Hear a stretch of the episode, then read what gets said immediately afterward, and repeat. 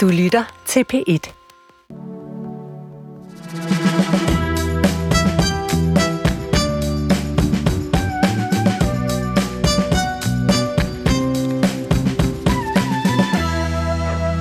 Den her lyd, den øh, indikerer, at der er et nyt program på P1. Jeg kan sige velkommen til Svingdøren her lørdag formiddag. Det er øh, programmet, som tager dig med på en rejse ind i de politiske baglokaler, sammen der skal vi snuse rundt inde på gangene på Christiansborg.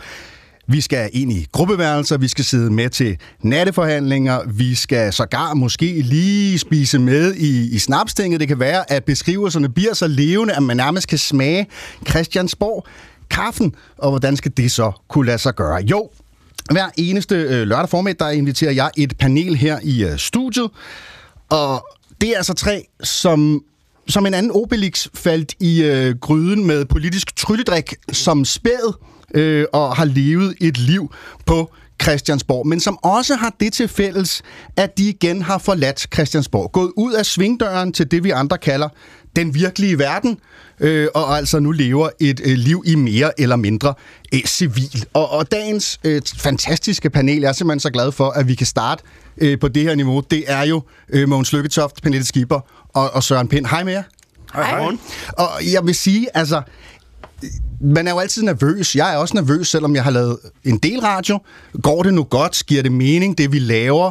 Øh, har gæsterne noget at snakke om? Men, men efter I har siddet her øh, i studiet og, og sluder og, og, og snakket og fortalt allerede historier øh, fra Som rejse. ikke egner sig til offentlig. Som ikke så, så er jeg meget fortrøstningsfuld mm. i forhold til, hvordan det kommer til at, at gå. Æ, sammen der skal vi fire øh, tale om det, der har optaget os øh, danskere, kan man sige, allermest i den øh, seneste uge. Så hæver vi lige feltspaden frem, tænker jeg, graver et stik dybere, kigger gennem jeres politiske øh, briller. I har så meget af erfaring, at I kan gøre mig klogere på, I kan gøre dig klogere på, dig der lytter altså. Hvad foregår der i virkeligheden inde på Christiansborg? Hvad laver politikerne egentlig? Hvad hulen går de sådan og, og tænker på? Jeg hedder øh, Tony Scott, og nogle af de dage, jeg har elsket allermest i mit arbejdsliv, det er, når jeg har fået lov til at være en del af jeres verden faktisk, og været på Christiansborg til, til valgaften. Det har sidret i luften, og man har sendt de otte timer derindefra på radioen, og der er nogen, der vinder, der er nogen, der taber, og der er følelser uden på tøjet, og pulsen den er, den er ekstrem høj, øh, lige meget hvilken lejr man i. Jeg håber også, at vi kan nå over hvilepuls øh, sammen i dag, selvom det er formiddag, og så håber jeg bestemt også, at vi kan få hygget os en, en lille smule. Så velkommen til øh, dig, kære lytter. Velkommen til øh, panelet. Velkommen til den første udgave af Svingdøren.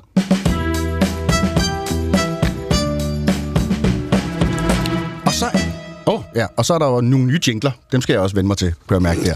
Æ, og det er et live-program, det her. Og det betyder jo i sagens natur, at vi alle sammen er her lige nu. Øh, og det skal vi udnytte. Øh, og derfor så sidder øh, producer øh, Naja Bergendale med i studiet. Naja, hvordan kan vi udnytte det live? Jamen altså, det kan vi jo, fordi at du, der lytter med derude, har muligheden for at stille vores panel de spørgsmål, som vi journalister aldrig stiller dem. Øh, vi er nemlig live, og det skal du udnytte, så det betyder, at du kan blande dig. Og gør endelig det. Siger vi noget, som du lige vil kommentere på, eller er der noget, du virkelig brænder for at spørge dagens gæster om? Er du for eksempel interesseret i at høre Pernille Skipper om den klammeste kommentar, hun har fået i sit virke som politiker, eller Måns Lykketoft om, hvorfor han barberede sit fipskæg af, så er det nu, du har chancen. Mon Dieu. ja. øhm, skriv ind til os. Vores mail, det er svingdøren, snablag, dr.dk, og det er døren med et O. Alternativt, så kan du sende os en besked. Det er på 1212, skriv P1 mellemrum, og så er det en besked.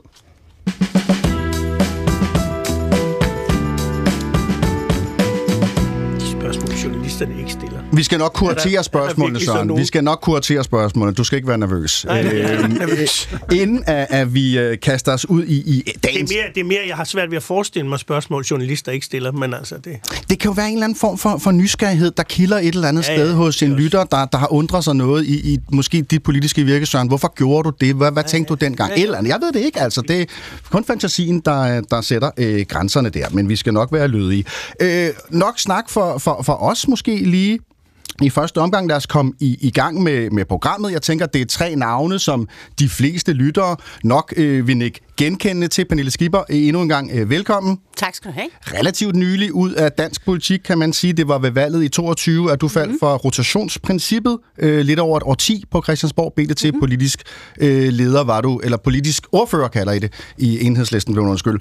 Øh, nu jo øh, polisk analytiker, politisk kommentator ja. øh, over hos vores venner på TV2 News. Øhm, og, og du sagde til, til, til Søren og Mogens, mens vi sad og hyggesnakkede, ej, det er så meget nemmere, det er så meget nemmere end at være politiker. Hvad mener du med det? det er strengt at citere. Ja, ja. Øh, prøv lige at høre, jeg er bekymret over det her, fordi hvad bliver det næste? Hvad bliver det næste? jeg troede, vi havde en aftale. Ja, hvad har vi, det skal nok blive hyggeligt, altså, det glider allerede, det her, Tony. Nå, øhm, jamen, det er faktisk meget nemt nemmere. øhm, det er jo sådan, der er jo sådan en dynamik imellem kommentatorer og analytikere og journalister på den ene side, og så er der politikerne på den anden side, og politikerne synes altid, at kommentatorerne de laver sådan nogle øh, hurtige, alt for øh, lemfældige analyser, og de har ikke ordentligt styr på, mm. på baggrunden, ligesom. Ikke? Øh, og så på den anden side, så er der kommentatorerne, der synes, at altså, politikerne er for dumme, ikke? Altså, og gør de for dumme ting, og burde have gjort er indset alt muligt andet. Ikke? Og det er jo bare nemmere at være mandagstræneren af de to. Ja. Øh, ja. Det må man bare sige. Så det svarer faktisk til enten at være landstræner, eller sidde hjemme i sofaen og, og se fodboldkampen? Øh, ja. Det er ikke en dårlig ja. sammenligning? Nej, det er, det er ikke en helt dårlig sammenligning. Altså, man skal jo... Det er man jo skal ikke, også vide man, lidt man om skal fodbold. Vide, det, ja, Man okay. skal heller ikke sætte... Man skal kunne offside-reglen, kan man sige. Man skal jo ligesom vide, hvad der foregår. Man skal kende offside-reglerne. Man skal ligesom have styr på det. det. Det er også rart, at nogle af jer har prøvet det selv. Det, det er i hvert fald meget sjovt at Mm. sidde, Og man når kan man se både... forskel, det må du også selv kunne mærke. Ja, på dem, der har siddet inde i Ja. forhandlingslokalerne, og dem, der ikke har. Ja, det, det vil der jo givetvis være. Øh, manden, der, der lige kommer ind her, det er selvfølgelig øh, Søren Pind, øh, tidligere ja, folketingsmedlem for Venstre. Øh, 2005 var året, Søren, hvor du blev valgt 13 år, det til. Øh, og der er jo ministererfaring galore, øh, når man tænker på øh, Søren Pind. Jeg ved ikke, om vi behøver at nævne dem alle sammen, men, men øh, jamen, hvad for en kan du bedst selv lide? Ja, det kan jeg ikke sige. Nej, okay. Øh, frihedsminister havde været det rigtige svar, måske. Ja, den, den, den var jeg i hvert fald rigtig glad for. Men- Jeg kan huske men- faktisk en gang, når det nu er en donernes tid, at jeg mødte Mogens i Folketingssalen, Ja. som kiggede på mig og sagde, du ser simpelthen så glad ud. Det var mens jeg var udviklingsminister. Mm. Så sagde jeg, det er jeg også. Så sagde Mogens, jeg har aldrig mødt en udviklingsminister, der ikke var glad for det, han lavede. Og det, det var også fantastisk. Så når du nu spørger på den måde, så kan jeg vel svare det.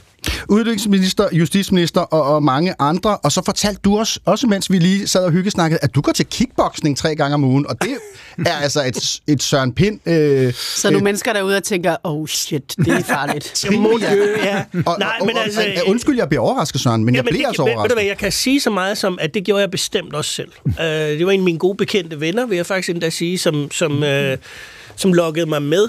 Og jeg træner med en tidligere landstræner, og han er en karakter i sig selv. Anders Madsen hævder, det er ham, der har lavet alle øh, de gode linjer i øh, Den Ternede Ninja. Ja. Han minder meget om ham. Og, øh, og jeg kunne simpelthen lide det fra første gang, og det er virkelig mærkeligt. Det, det kan jeg ikke forstå. Fordi, Men kan- men, jeg har let efter andre? noget, jeg godt kunne lide mange år. Nu har jeg fundet det. Altså, slår du på andre, eller er det bare træning? Ej, det er træning. Okay. Desværre slår træneren en gang imellem på mig. Men du Mogens hører det her. Lars, så får, har du det for det her. Mogens Lykketoft. Øhm, ja, det er jo en, en lang øh, liste over øh, bedrifter, formand både for FN's generalforsamling og for øh, Folketinget, øh, hvor du jo selvfølgelig har siddet i, øh, ikke selvfølgelig, men har siddet i 38 år øh, for Socialdemokratiet. Og Mogens, også ministererfaring, skatteminister, finansminister, udenrigsminister. Øh, er det ikke sådan, det er? Jo, jo. Og, og Mogens, når, når, når I tre, I, da I kom ind, der, der var det jo dejligt at se, at I kunne lide hinanden, og I var bekendte. Har I arbejdet meget sammen egentlig? Ja, vi har jo øh, sporene har jo krydset, øh, Ja. ja. krydset tværs, og vi har da altid... øh, De fleste af dem, der er inde i det danske folketing, de snakker jo faktisk udmærket sammen. Mm. Der er jo ikke nogen personlige modvilje. Men har I siddet sammen også og lavet politik, tænker jeg? Ja, Ja, ja. jeg skal lige i gang. Det har vi da. Det har vi da. Men altså nu, nu, i den tid, Pernille var, der har jeg ikke været så meget i front i Har du- du var formand for Folketinget. Ja, så er jeg jo der oppe og front. kiggede ned på Nej, men de vi har, vi har lavet masser af udenrigspolitik. Ja, det har vi da, og rejst øh, Ja, forskellige og sammenhænge. retspolitik med Pernille. Eller ja, ja, ja, så, ja. jo, jo. Så I er bestemt ikke øh, fremmede for hinanden. Jamen, øh, dejligt, at I vil komme. Endnu en gang øh, hjertelig øh, velkommen. Vi skal vende nogle af ugens emner. Det bliver selvfølgelig øh, ja, dronningen. Hende kommer vi ikke helt udenom. Øh, Vi skal også tale aktiv dødshjælp. Vi skal også tale udenrigspolitik. Og, og, vi skal også nok, øh, Søren, det lover dig, tale en lille smule øh, fodbold senere. Der er simpelthen også musik imellem. Det er en lille jingle, Søren. Okay. Det er sådan en lille skiller, øh, der indikerer over for, for vores kære lyttere, at øh, nu går vi fra én ting videre til noget andet. Ja. Øh, og, og det vi går videre til, det er sådan en indledende opvarmningsrunde, som øh, er avisrunden. Jeg har jo bedt jer alle tre øh, om at, at kigge på dagens aviser øh, og øh, vælge en, en historie, en artikel, et eller andet, der, der kildede jeres politiske muskel eller nysgerrighed, eller, eller noget, I synes var vigtigt. Og så lad os da bare starte nede øh, hos dig. Hvad har du øh, egentlig valgt? Jamen, jeg starter i udlandet. Jeg starter med Washington Post, som øh, sent i går aftes, øh, og det er så i dag jo, kunne fortælle, at øh, den amerikanske højesteret har valgt at tage øh, sagen op om, at, øh, at Colorados højesteret jo har øh, principielt valgt at udelukke Trump fra at stille op til primærvalget i Colorado. Ja. Og hvorfor synes du, det er... Øh, Jeg synes, det er en, øh, jeg synes, det er en kæmpe, kæmpe, kæmpe historie. Øh, Vi lever i en mærkelig tid, hvor øh, domstolssystemet kommer til at spille en større og større rolle. Vi har også set det herhjemme øh, med forskellige sager, øh, hvor politik og jura bliver blandet ind i hinanden. Og nu lader det til, at øh, en øh, forfatningsændring i Amerika øh, efter borgerkrigen måske kan sætte en stopper for, at øh, Trump kan genopstille til det amerikanske præsidentvalg. Det har jeg personligt ingen problemer med, men jeg synes, det er et meget, meget interessant øh, dilemma, og det, øh, det tror jeg, vi kommer til at høre mere til. Og så bliver det jo også spændende at se, om højesteret overhovedet, altså om de går ind i det, eller om de bare hælder det brættet. Der er øh, utrolig mange valg i år. Det er øh, næsten halvdel af jordens befolkning, der skal øh, sætte kryds. Ja, forhåbentlig. Mange af dem gør det i hvert fald. Øh, og blandt andet i USA. Det er det valg, vi oftest her i Danmark, når vi kigger ud i verden, i hvert fald følger med i. Og det tror jeg, du har ret. Det kommer vi til at høre ekstremt meget om øh, i det kommende må, øh, år indtil en gang i starten af november, hvor at der er, er valg. Øh, og vi skal også tale om det til sidst i dagens udsendelse en lille smule. Pernille, øh, hvad har du øh, valgt for dagens aviser? Altså, jeg har, jeg ved ikke, det er måske en nyhed, der kom i går, og så har Christian mm. Jensen, øh, chefredaktøren på Politiken, skrevet en lille klumme øh, ting øh, om det.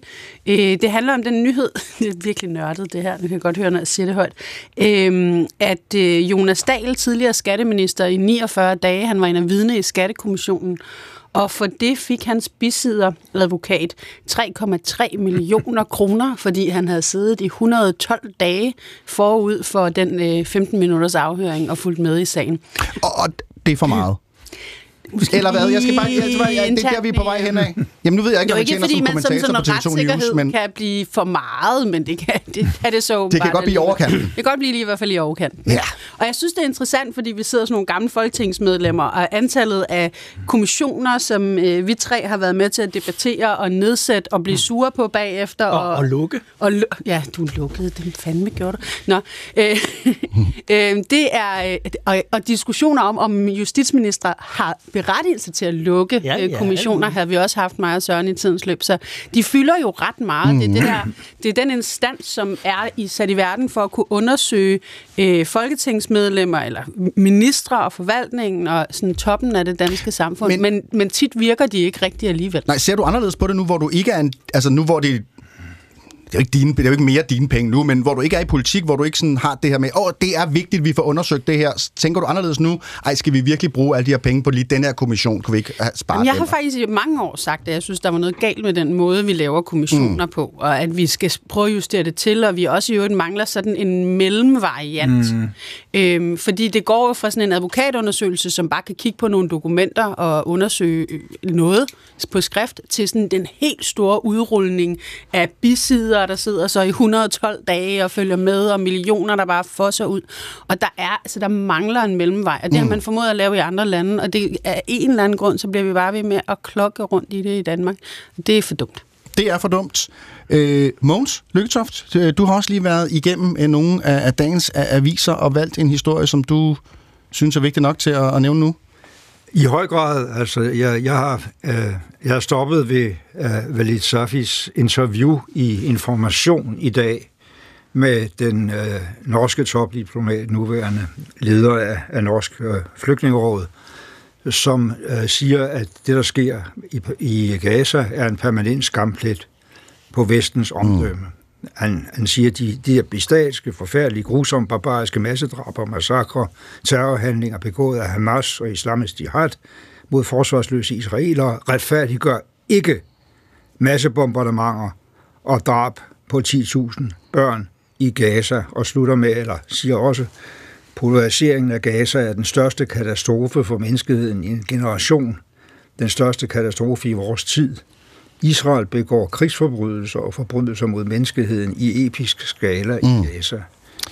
Og, og, og det, det er jo i hvert fald øh, øh, en konstatering af, at det, der fulgte på det der overfald øh, fra Hamas på Israel, øh, er fuldstændig forfærdende omfang af civil ødelæggelse og civil død, øh, som det er ufatteligt for mig også, at øh, vestens regeringer ikke har reageret meget kraftigere mm. imod. Mm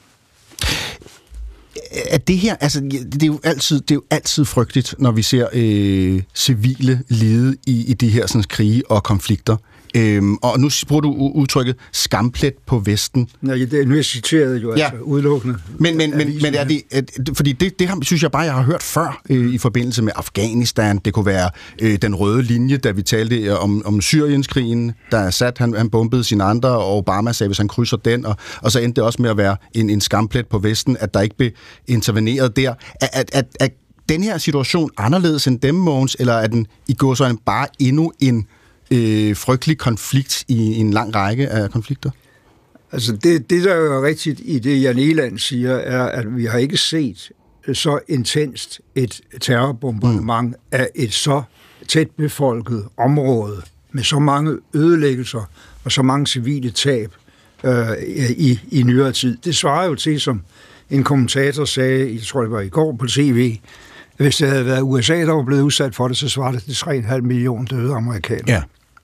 Og det er måske en, en meget, øh, i hvert fald sådan øjenåbnende ja, det, måde det, det, at tænke ja. på det på. Ja.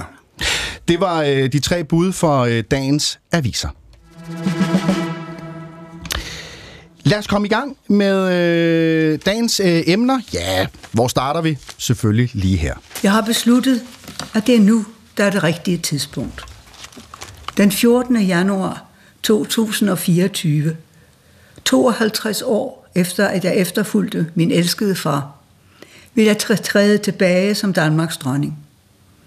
Jeg overlader tronen til min søn, kronprins Frederik. Det virker som om, at øh, Danmark har været i en øh, mild tilstand af chok den seneste uge siden, at dronningen altså øh, talte os, at nu var det snart slut. Men ingen mere i chok, synes jeg i hvert fald af dem, jeg har øh, berøring med, end dig, øh, Søren Pind, som altså gentagende gange har været ude på X, det vi kendt som øh, Twitter. Du har også på Instagram publiceret det her fantastiske billede. Vi, vi kan lige give det, vil du ikke give det til Pernille? Øh, nej, så kan Pernille måske lige beskrive, hvad er det, vi ser på billedet her af Søren Pind, Pernille? Det er en tydelig oprørt øh, Søren Pind i, øh, iført smoking og et rigtig flot antik øh, øh, champagneglas, tror jeg, i hånden. Men han tager sig til hovedet og går ligesom hen mod skærmen, hvor dron- er du i gang med at angribe dronningen her? Nej, nej, nej. Det er, og så har vi faktisk også Lykke Fri, så får vi lige afsløret, hvem Søren Pind holder nyhedsaften med. Mm. Øh, nede i hjørnet, mm. som også ser tydeligt meget oprørt ud, som om, at det var en dansk-tysk fodboldkamp. Du skal til at tage til hovedet, Søren. Du ved, den der, altså, hvor man er så overrasket og rystet, at man rent rent faktisk laver klichébevægelsen ja, for at være rystet. Det, man ikke kan se, det er, at jeg råber nej, nej, nej. Hvorfor var du så rystet? Jamen, det irriterede mig mest af alt, at Lykke, hun sad fem minutter, tre minutter før og sagde, nu går hun af, nu går jeg, ja, nu gør hun af, det er utænkeligt. Og ja. hun har selv sagt, at hun ville falde af pinden, og altså alt muligt.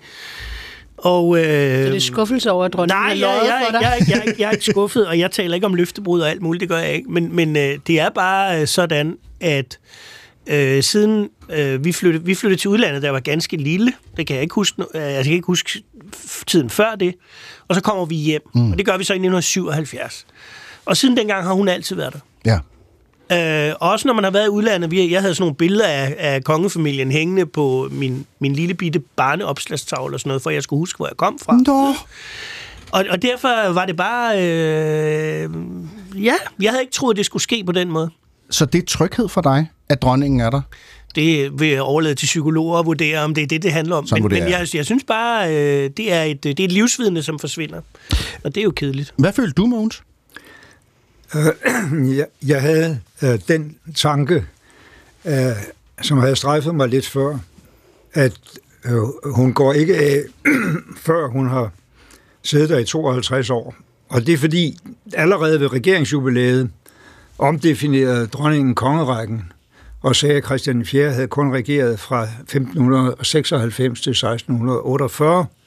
Vi andre har jo lært i skolen, at det var 1588 til 1648, ja. altså 60 år. Men øh, kong, øh, kongehuset udkom med den fortolkning, og den, den kan man også godt bruge. Den har bare ikke været brugt før at Christian IV Ej, var under formynderstyre. Er det virkelig rigtigt? Ja, Christian IV var ah. under formynderstyre de første otte år. Okay. Så, så, så derfor øh, er det jo... Øh, det, det virkede egentlig som en forberedelse til at konstatere, at jeg skal bare passere 52 år, så har jeg Danmarks rekorden. I. Må, må, må jeg lige sige noget her? Så. Fordi det her, det er jo det her, det, det er jo det, det her program skal kunne. Ja. Altså, Mogens har lige afsløret en, en i virkeligheden meget langt tilrettelagt plan for, hvordan det her skulle ja. ske. Og du sansede det alt. Det synes jeg er sjovt. Ja. Det er jo virkelig morsomt. Det er, det er det, Fordi det er jo rigtigt, at det er jo, vi har jo altid sagt 1548 til 1648. ja, ja. Nå ja, Ej, det, det har vi jo altid. Ja, ja, du, det er en anden generation, måske. Det, øh, Ah, du har ikke lært kongerækken, du gik i skole. Nej, men, men, men altså, det, det, det er jo ikke så mærkeligt, at det er første gang, vi ser en applikation, fordi gennemsnitslevealderen for folk er jo altså steget 20-30 år i den tid, mm. vi har, eller 40 eller 50 år i den tid, vi har haft kongerækken. Ikke? Uh, og, og, og det er meget naturligt, at når man er 83 år, så, så, og helbredet ikke er helt så godt, som det har været, at man så siger, at jeg måske min tid uh, til at tjekke ud nu. Øh, så det synes jeg ikke, man skal, skal gøre så stor en sensation ud af, og vi har jo alle sammen uh, tror jeg, uh, haft forbindelse på en eller anden måde med dronningen. Stor respekt for den måde, hun har udført jobbet på. Det, det som måske uh, undrer mig, det er, hvor meget man kan hype af den her begivenhed mm. mediemæssigt, uh, og, og, og, og hvor vanskeligt det, det som nok også bliver for kong Frederik den 10. og begå sig i det her mediebillede. Søren Schultz Jørgensen havde en udmærket ja. kommentar i politikken i går om, øh, hvad det er for nogle øh, øh, sensationsmageri, der er. Mm. Enten i retning af, at de her mennesker er perfekte, eller hvis der er en lille fejl, så, øh, så bliver det et helvede. Ikke? Det kan vi lige vende tilbage til, Måns. Jeg vil, jeg vil lige spille to klip for dig. Øh, og det første, det er så fra 1972, øh, hvor at øh, dronningen jo holder sin første nytårstale og siger... Gud bevarer Danmark. Så går der 52 år, og, og så siger dronningen... Gud bevarer Danmark. Gud bevarer jer alle sammen. Ja. Og, og det er jo bare to meget korte klip, som på en eller anden måde indrammer øh, den æra, og, og når du så, Mogens, du har jo, du er ikke helt øh, så gammel som dronning, men du har også et, haft et, et, et godt, dejligt, langt liv. Øh, hvad er det for en tid så? Er, er det, kan man tale om en æra? Ja, det, det er jo klart, det, øh, med, med den position og, og, og den øh, øh, enorme respekt, der har været, og den enorme gode pressedækning, der har været, som så enhver, der har været politiker, jo kan misunde uh, uh, uendelig meget uh, så konsistent positiv behandling, så konsistent omtale, uh, ja, så bliver det jo til en epoke, og, og, og dronningen har været eminent dygtig til at balancere som en moralsk autoritet, mm. uden at blande sig i politik. Og det er jo også forudsætningen for, at, at, at det system kan accepteres og, og fungere i et moderne demokrati. Det har hun forstået, og det har hun gjort med, med, med stor omhu og stor omtanke. Og i øvrigt øh, en enorm god sprogbehandling. Altså, mm. det, det er en fornøjelse at høre de der taler, fordi det er så godt dansk. Mm. Jeg har aldrig mødt dronningen. Øh, du er så overrasket ud. Det skal ja. du ikke gøre. Har du, har du mødt dronningen? Ja, ja, ja, selvfølgelig. Nå, okay, selvfølgelig. Jeg har jo set dronningens, jeg har set dronningens råd. Ja, du er selvfølgelig minister. Ja, Pendi, har du mødt dronningen? Ja, ja. Okay, og, men Mogens, du har mødt dronningen flest gange, tænker jeg. I hvert fald uh, mange gange ja. over årene uh, uh, siden, og, siden 1981. Ja. Præcis, og en af gangene, øh, det var da du var formand øh, for Folketinget i 12. Mm-hmm. Øh, der havde dronningen jo 40 års jubilæum ja, ja. som regent. Og der får du jo så lov til at tale for dronningen. Øh, og der, der har vi faktisk fundet et lille klip for at høre, hvad sagde du egentlig øh, til dronningen i forbindelse med, med jubilæet? Paul Hammerik siger i sin Danmarks Krønike, at det var et genialt tilfælde, at kronen skiftede køn, netop som omprioriteringen af kønsrollerne var dagens emne. Og måske er kvindernes større ligestilling den vigtigste samfundsændring i de 40 år. Mm. Det gælder de enorme forandringer, den øgede ligestilling har betydet i familierne, på arbejdsmarkedet og i hele indretningen af vores velfærdssamfund. Det er tankevækkende og opmuntrende, at Danmark 2012 fejrer 40 år med en kvinde på tronen, med en kvindelig statsminister ved rådet og ved flere kvinder i regering og parlament end i de allerfleste andre af verdens lande. Deres Majestæt har i vores kollektive bevidsthed fastholdt kongehusets rolle som det faste holdepunkt gennem denne lange periode i vores historie, hvor så meget andet er totalt forandret. Mogens, du har holdt mange store taler øh, som politiker, både her i Danmark, men også internationalt FN-regi og, og, og, og så videre. Til et 40-års jubilæum for, for dronningen, er, er, bliver Mogens Lykketoft også nervøs, eller er det business as usual, eller hvad? Nej, ikke, ikke nervøs, men, men, men, men man skal jo også, som jeg havde nær sagt, født republikaner, ja. finde en balance mellem øh, respekten for personen og, og, og den der tvivl, jeg i hvert fald altid har haft om, om det, den institution nu var relevant i en moderne tid. Mm. Men der har hun altså bidraget enormt meget til, at den er blevet for, for mennesker, og der er, jo ikke, altså, der er jo ikke nogen, der kan leve af at være republikanere i dag. Det er, det er jo, sagen, det er jo sagens kerne. Også i øvrigt uh, på grund af, af efterfølgeren, som også har haft ganske meget kontakt med i tidens løb, og som jo er, er utrolig uh, hyggelig mm. og, og god mand at have på den der post. Øh, Pernille, øh, du har ligesom, øh, synes jeg, øh, reageret på det her ved ikke at reagere? Altså nu har du allerede, du har postet ting på, på, på, på X her til formiddag fra studiet, du har været en tur på Instagram og postet billeder af, at vi sender radio, men dronningens abdicering, det, jeg var inde og tjekke dine sociale medier, der, der er bare tavshed for dig. Og ja, men det er ikke sådan, øh, altså... Vildt overraskende. Nej. men har det slet ikke rørt noget i dig? Jo, jeg blev, altså, jeg blev meget overrasket. Altså, det kan godt være, at Søren Pinder ser lidt dum ud på det her billede, ikke?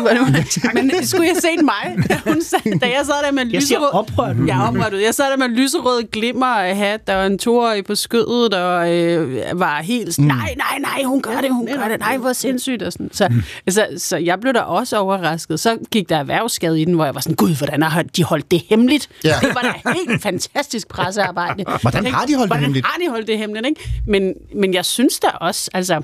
Ej, der var, da, da, da dronningen hun sådan kigger op, og så siger hun, Gud bevarer Danmark, og så, sted, så siger hun det der, hvor hun taler direkte til ja. os alle sammen, og siger, Gud bevarer jer alle sammen. Ja, ja, ja. Og, og, det er sådan, og så kigger hun lige ind i kameraet, og har en lille smule vandet øjne, og så siger min toårige, dronningen ked af det. Ja. Og så, Nå. Nå. Sagde han det? Det sagde hun, ja. Ja, ja så sagde hun, dronningen ked af det. no. Og så var sådan, ja, dronningen er lidt ked. Der blev jeg da også sådan, åh, det er da lidt. Mm. Ikke? Så sådan, jeg har også, sådan, som Mogens siger, så jeg er, jo, jeg er jo republikaner. Jeg synes jo altså grundlæggende, at det, det er forkert, at man bliver født til magt. Det skal man vælges mm. til. Sådan er det. Men jeg har virkelig også altid haft det sådan, at det er saftsus med hverken på min top 10, 20 eller 30 af ting, jeg gerne vil lave om øh, i det her land. Og, og derfor kunne jeg da også godt blive sådan lidt trist der i min lyserøde øh, klimahat øh, nytårsaften. En af de ting, som Mogens talte om i, i talen, og det klip, vi hørte, det var jo det her med, med dronningen øh, som kvinde, og, og, og den tid, som, hvor hun har, har regeret i, og, og hvad det har betydet for, for, for kvindernes indtog på arbejdsmarkedet, og, og så videre. Øh, det talte de også om den anden dag i øh, P1 Morgen, øh, om dronningen som feministisk ikon, og der sagde historiker øh, Emma Påske blandt andet sådan her. Det er jo lidt sådan, at når du har en kvinde på en toppost, og især en kvinde helt tilbage fra 1972, hvor der faktisk ikke var særlig mange kvinder på toppen, øhm, så vil du næsten automatisk blive et form for feministisk symbol. Og selvom du ved det eller ej, eller om du overhovedet ikke synes, at du er en del af den bevægelse, så vil der være kvinder, der ser op til dig. Søren Pind, er, er dronningen et feministisk ikon? det vil hun nok ikke selv kalde sig. Nej. Men hun er en, en fantastisk repræsentant for sit køn. Øh, nu sagde Måns for eksempel noget, som jeg er meget, meget enig i, nemlig at vi kommer til at lide et sprogtab. Altså, ja. øh, fordi hun beviste, at dansk kan bruges til alting. Øh, hvilket måske giver mig lejlighed til lige at nørde en lille bit smule, ja. fordi alle mulige taler om abdikation. Men abdikation betyder jo frasigelse af værdighed, og hun beholder jo majestætstitlen, så lige præcis værdigheden ah. beholder hun. Det er magten, hun afgiver, og den giver hun så videre. Det har Shakespeare skrevet meget fint i King Lear, så det... Men nej, altså, om hun er et feministisk ikon, øh, det vil hun... Øh, hun er jo blevet stillet det spørgsmål, øh, og jeg tror også, I har bragt det, og, og det, synes- hun opfatter jo ikke sig selv som feminist. Mm. Men for mig er der ingen som helst tvivl om, at det, at hun har båret den gerning og fyldt den ud, som hun har, jo har bevist, at kvinder kan gøre tingene mindst lige så godt som mænd. Altså, og, det, og, og, og, og Ja, som var en Mogens indrømmelse. også sagde, jeg synes, det var en rigtig fin pointe, han havde i sin tale. Det var et tidspunkt, nu har vi også kvindelige statsminister, vi har haft kvindelige formænd, eller hvad det nu hedder i vores dage, for Folketinget. Altså, det er jo en, det er jo en vild udvikling. Mm. Pernille, du er et feministisk ikon. Tak. Tænker. Wow. At du også kan... Det var da noget af det sødeste, du nogensinde har sagt til mig. Ja, men det er, fordi jeg altid er så tavlig. øh, men er, er dronningen så en kampfælde? Det, jeg ved slet ikke, hvad jeg skal sige. Nej. øhm, altså, ja, øh, dronningen er jo, altså, det er jo rigtigt, som, som Emma Påske også siger i det her klip, ikke? Altså, at kvinder, som besidder poster for første gang, om de kan lide det eller ej, Ja. bliver på en eller anden måde en repræsentant for, at noget kan lade sig gøre, mm. som øh, andre kvinder ikke havde tænkt før. Mm-hmm. Og der er det med os, og det er uanset om det er repræsentation på grund af etnicitet eller køn, eller øh, vi skal ligesom se nogen gøre det, før vi tror, vi selv kan det. Og det der med at være den første, der gør et eller andet, det, det betyder rigtig meget for rigtig mange, særligt på sådan nogle poster.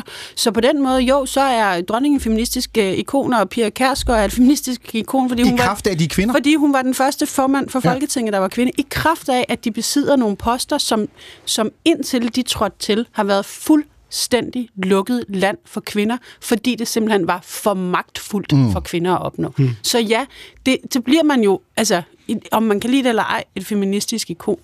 Øhm, jeg tror hverken dronningen eller Pia Kærsgaard sådan går rundt og bryster sig af, af det, så ser det som noget sådan en feminism t-shirt. Nej, nej altså, men, men, øh, men, men det er de jo. Det kan de jo ikke... øh, Og det er uanset, om man er enig med dem i alt muligt andet.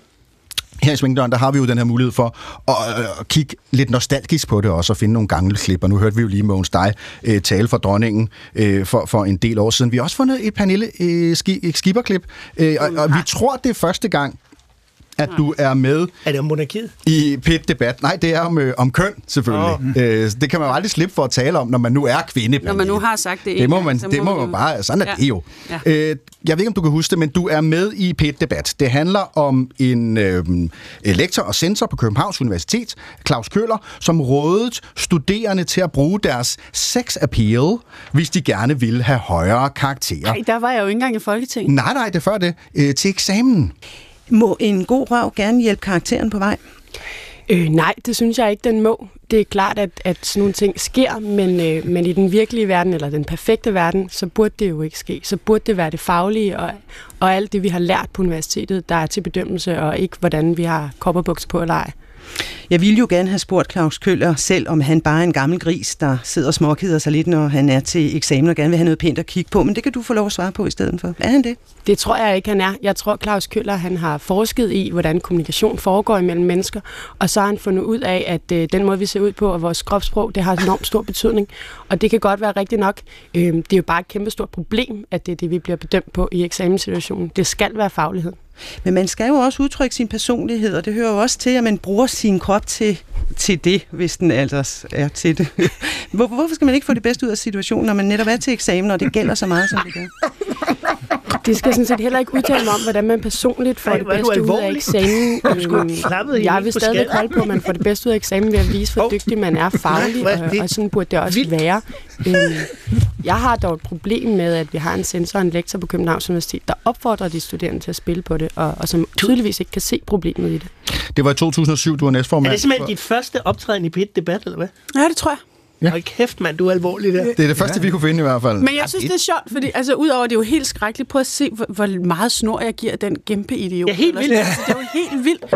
Det er helt vildt, hvor meget snor mm. får. Men, men hvor er det også interessant, hvor meget vores verden den har ændret sig. For jeg kan huske den der sag, og folk synes, jeg var vanvittig at jeg sagde Ja, ja, ja. ja. overhovedet, Ja, ja, ja. ja. at der var noget galt med ham. Ja, Ja, ja. ja. Altså folk synes, jeg var langt Men man kan jo også ude. mærke, at du følger jo sådan en meget lige linje. Du skal ikke bevæge dig uden for noget jeg, har, helst. jeg har lige præcis to centimeter at bevæge mig Ej, på i kritikken af er ham. det crazy. Men prøv at tænke på, hvad det betyder, for, altså hvor langt vi er kommet. Ja, ja, ja. Prøv at tænke på heldigvis, hvad de studerende på Københavns Universitet ville gøre lige nu, hvis der var en sensor, der sagde, at de skulle spille på deres De ville være udvandre. De ville gå fuld. Jeg tror ikke, de vil nøjes med det. Masse demonstration. Altså, an all power to them, ikke? Og dengang, der var jeg den eneste, der sagde noget, og de fleste sagde, hvor er du MC. Ja, ja.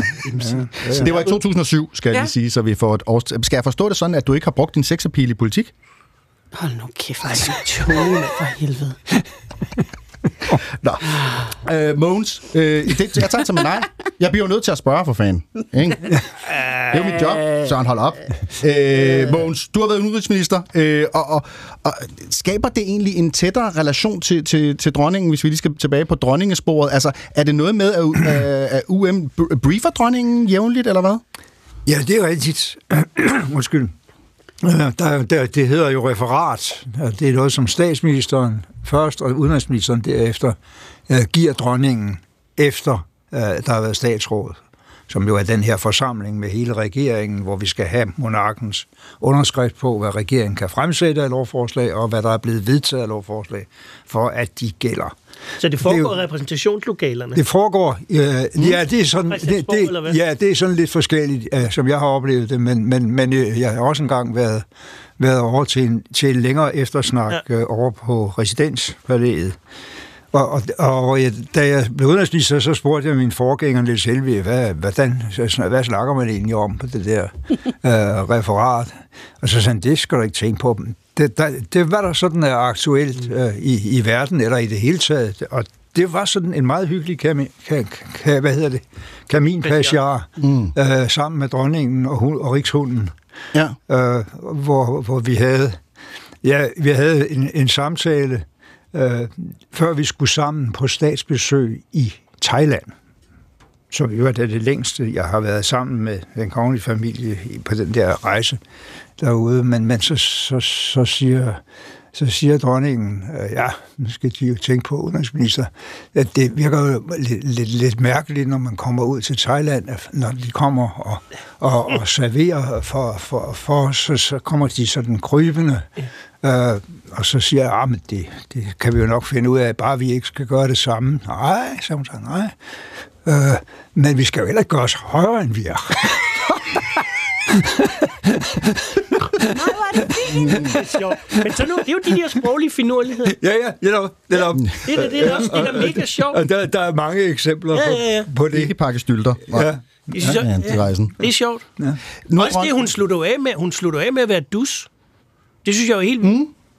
Ja, men, Gud men- bevarer jer alle sammen. Ja, Det er ja, jo det, du siger. Ja, ja. Ja. Det er det, jeg siger, Ja. det, det har vi jo aldrig prøvet Jo, før. jeg Nej, tror desværre, eller hvad man nu skal sige, for jeg vil ikke kritisere, men hun har sagt det en gang før, og det er jo rystende. Men altså, jeg tænker, hun simpelthen slutter af med at være dus med den danske Ja, ja. Jamen, det er det, der er så skønt ved det der med at tale Det, direkte. det, det, var jo Jamen, den det der næste meget mor... kronprinsen bare bliver dus med os alle sammen. Hvad bliver så det næste, jeg Åh, oh, spørger nej, nu er Søren Pinds verdensmuller. Ja. Der var jo den der meget morsomme episode med en ung journalist, der, der, der sagde du til hende.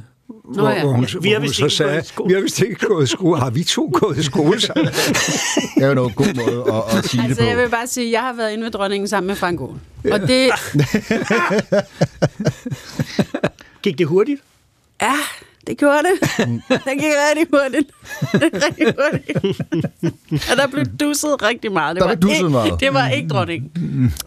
Hun har besluttet, at at nu er det altså øh, slut. Det er jo noget af det fineste, tænker jeg egentlig, det her med at vide, hvornår man skal gå. Øh, hvornår er noget er forbi, og, og sige farvel med, med værdighed og, og så videre. I jo alle sammen prøvet øh, det store farvel til øh, dansk politik. Nogle, nogle er i, sådan, i etapper, kan man sige, øh, og, og af forskellige årsager. Øh, Lykketoft, du var jo formand, ragt ud efter statsministerposten, mm-hmm. øh, og det glippede så, og, og du trak dig øh, som formand, og øh, ja, sagde blandt andet det her.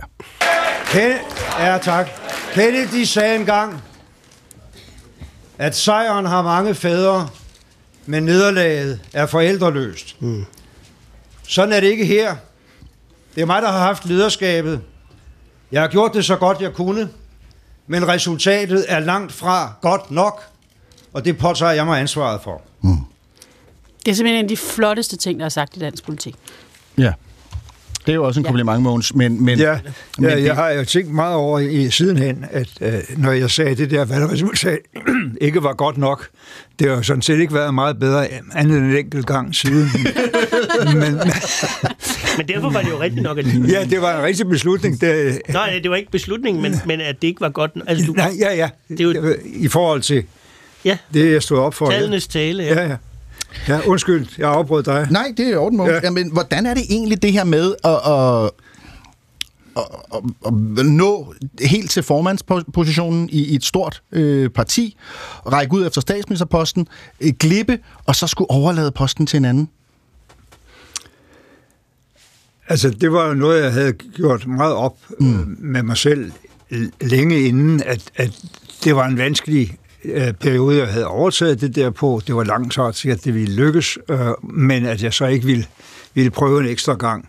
Jeg havde, havde, og, og, og, Det havde du gjort dig helt klart. Det havde jeg gjort mig helt klart, og, og jeg var ikke særlig, med de meningsmålinger, jeg havde set lige forud, var jeg ikke særlig overrasket over resultatet. Jeg var vel forberedt på det. Det, som, som egentlig var mere usikker på, det var, om jeg så skulle fortsætte i politik mm. øh, overhovedet. Og, og grunden til, at jeg gjorde det, var, at efterfølgerne øh, øh, bad mig om at være med i deres rådslagning og så videre. Øh, det kom der nu ikke altid så meget ud af, synes jeg, i det, de så gjorde, da de kom til, men det er en anden sag. Det kan jeg godt huske. det er en anden sag. Øh, Men det var grunden til, at jeg hang, hang på, og så viste det sig jo altså, at der skete øh, andre spændende ting øh, i, i kølvandet på det der. Ikke mindst, at jeg havde, havde chance for at være formand for Folketinget, som mm-hmm. er noget helt andet end det der at være minister, men, men bestemt også spændende. Og spændende, fordi øh, rammerne for, hvad man egentlig skal bruge det til, udover at sidde og lede møderne en gang imellem, øh, er meget hvide, og derfor kunne man også øh, opdyrke for eksempel udlandsrelationer mellem parlamenter og sådan noget. Nå, og, og så endte jeg også med det, som var mit mest intense år overhovedet øh, i, øh, i, i, 15-16 i, der. i, i FN. Uh, meget har jeg oplevet, men ikke noget, der var så varieret og, og så spændende også at prøve. Det må have så været. det var en meget god idé at fortsætte ved runden. ja, ja, det- det var ikke et endeligt, kan man sige. Du det fik var da ikke på den en måde. ting eller to også efterfølgende. Det var ikke sådan en pensionstilværelsen, du, du trak dig tilbage til. Øh, Pind, øh, da du stoppede, øh, der var du i øh, P4 øh, morgen, dagen efter, og, øh, og, og der taler du meget om, at solen skinner. Det er meget med, at solen skinner, og hvor er det godt det hele, og solen skinner i øvrigt også. Jeg er glad. Øh, det har altid været vigtigt for mig, at jeg selv fik lov til at bestemme, hvornår jeg skulle holde op. Øh, og det, det er så svært at få lov til, men det har jeg fået lov til. Så jeg synes, solen skinnede en ekstra gang, og jeg er afklaret, og jeg synes, jeg har haft kæmpe oplevelser. Jeg synes, jeg har fået lov til at tjene, og øh, jeg må bare sige, at solen den skinnede ekstra flot i dag. Den skinnede, og du var glad, og, var du egentlig så glad? Ja, Du var så glad? det var jeg. Men det lyder bare, som om du er lidt for glad. altså, som om du prøver jeg at var skjule... virkelig glad. Helt, helt, helt 100% Ja. glad? Det var jeg. Nå. Og det, der var sjovt, altså, det var, at... Øh, øh, altså, nu talte Mogens om, om den der måde, som, som politikere ofte bliver... Men altså, det, jeg oplevede de der dage bagefter, det var også, at folk... Øh, de havde meget vanskeligt ved at tro, at man selv havde frasagt sig magt. Mm-hmm. Mm-hmm. Så de skulle nærmest hen og røre sådan. Ja. Altså, og det var, det var, det var mega, altså det var, det var, det var bare nogle meget intense dage, og det er, det er meget sjovt, du siger det der med solen og sådan noget, men, men det er rigtigt, det, alt, alt føltes på en, på en sådan grænseoverskridende positiv måde, jeg vil sige. Ja. Det var en 1. maj. Det var også den 1. maj. Det var statsministeren, der... Ja, det havde jeg, jeg, havde, jeg, jeg kunne jo ikke tvinge ham til at øh, afskedige mig. Altså, jo, så skulle jeg have råbt det ud til alle sider. Men han valgte 1. maj. Der kan man jo kun gisne om, hvorfor han lige gjorde Ja, det. hvorfor gjorde han det? Det virkede sådan Ja, lidt det spøjs. gjorde Var han det jo ikke nok nogen andre? for. Var det ikke nogen andre? nogle andre måske. Det tror jeg er godt. Det er simpelthen bare sådan en lille drilleting. Ja. At, Det tror jeg. Ja da. Og jeg fik, øh, jeg, fik, jeg fik en halv times varsel om, at nu var det så nu. Men jeg havde da heldigvis forberedt mig. Så okay. Og hvor lang tid i forvejen havde du selv taget beslut? Altså, hvor lang tid? jeg havde, jo, jeg havde jo sagt over nogle måneder, at jeg Okay. godt ville, og jeg havde prøvet, og, sådan, og, så, og så de første gange var det lidt vanskeligt at trænge igennem, men, mm. men altså til sidst så lykkedes det. Sådan hvad? Jeg Jeg kører ind i en tunnel, jeg kan ikke det høre altså være. Så, Ja. så gik der 14 dage, tror jeg. Skipper, øh, du trak dig jo ikke, kan man sige. Øh, der er jo øh, rotationsprincippet over enhedslisten, øh, så det var jo sådan frivilligt på den måde, øh, at du øh, overdrog ledelsen af af partiet til mig Villadsen. Jeg er vanvittigt stolt af, at jeg har fået lov til at være med på det hold af både folketingsmedlemmer og byråder og partimedlemmer og alle mulige andre aktive, som har fået enhedslisten og venstrefløjen dertil, hvor vi er i dag. Men vi har jo også i enhedslisten en såkaldt rotationsordning, og det betyder, at vores folketingspolitikere kan ikke blive på de bonede gulve for evigt, og nu er det ved at blive min tur til at forlade dem. Næste folketingsvalg, der kan jeg ikke være på stemmesedlen, og det betyder også, at jeg skal give stafetten som politisk ordfører videre, og det gør jeg med rigtig, rigtig stor glæde. Med stor glæde, øh, Pernille, men det her rotationsprincip, og det er selvfølgelig sådan, det er, det vidste du, at du har kunne forberede dig lang tid, og du har hele tiden vidst det, og bla bla bla. Mm. Øhm, men var det også lidt irriterende? Ja, ja, ja. Altså, du, du vil kan gerne... også godt høre på min stemme. Jeg synes jo ikke, det er sådan... Jeg er sådan lidt... Oh. du vil gerne være blevet?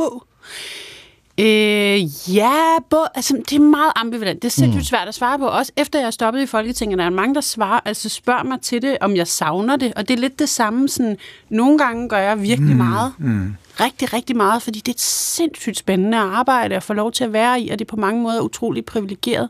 Når jeg så vågner lørdag morgen, og der ikke er journalister, der har ringet til mig, mm. og der er ikke nogen folketingsmedlemmer, som har ringet til mig midt om natten under nogle forhandlinger, fordi de, jeg skal gøre et eller andet. Og jeg faktisk kan være sammen med mine børn, eller jeg kan lægge min telefon og ikke vide, hvor den er henne i flere timer. Så savner jeg det bare overhovedet ikke. Nej. Så det er jo sådan sindssygt ambivalent. Jeg, kan ikke, man, jeg, jeg synes, det ærlige svar kan ikke være, at jeg både synes, det er fantastisk, eller det kan, det kan, det kan ikke være, det er nuanceret. Så jeg er alle sammen øh, abdiceret måske ikke, Søren, men øh, i hvert fald øh, trukket jeg øh, fra øh, politik, og det er jo også det, der gør, at I kan sidde her i, øh, i svingdøren øh, i dag. Vi lukker dronningerunden øh, med en, en, tak, en, en meget kort... Nu sagde du det her med, øh, vi kan jo prøve ikke at være så høje. Var det sådan en formulering var? Ja. Øh, hvor høj tror jeg egentlig, dronningen er? Hun er altså ret høj. Ja, hun er en høj kvinde. Hun er højere end mig. Ja. Også med hæl. 79. Ja, hun har altid hæl på det, for det er lidt svært at ja, det, vurdere. Det er det. Men, 1,82? Ja, ja, jeg vil sige, at nogen er lige så høj som mig her. 1,84, ja. ja det passer meget godt. det var derfor, hun sagde, at du ikke skulle gøre dig højere. ja, Ja,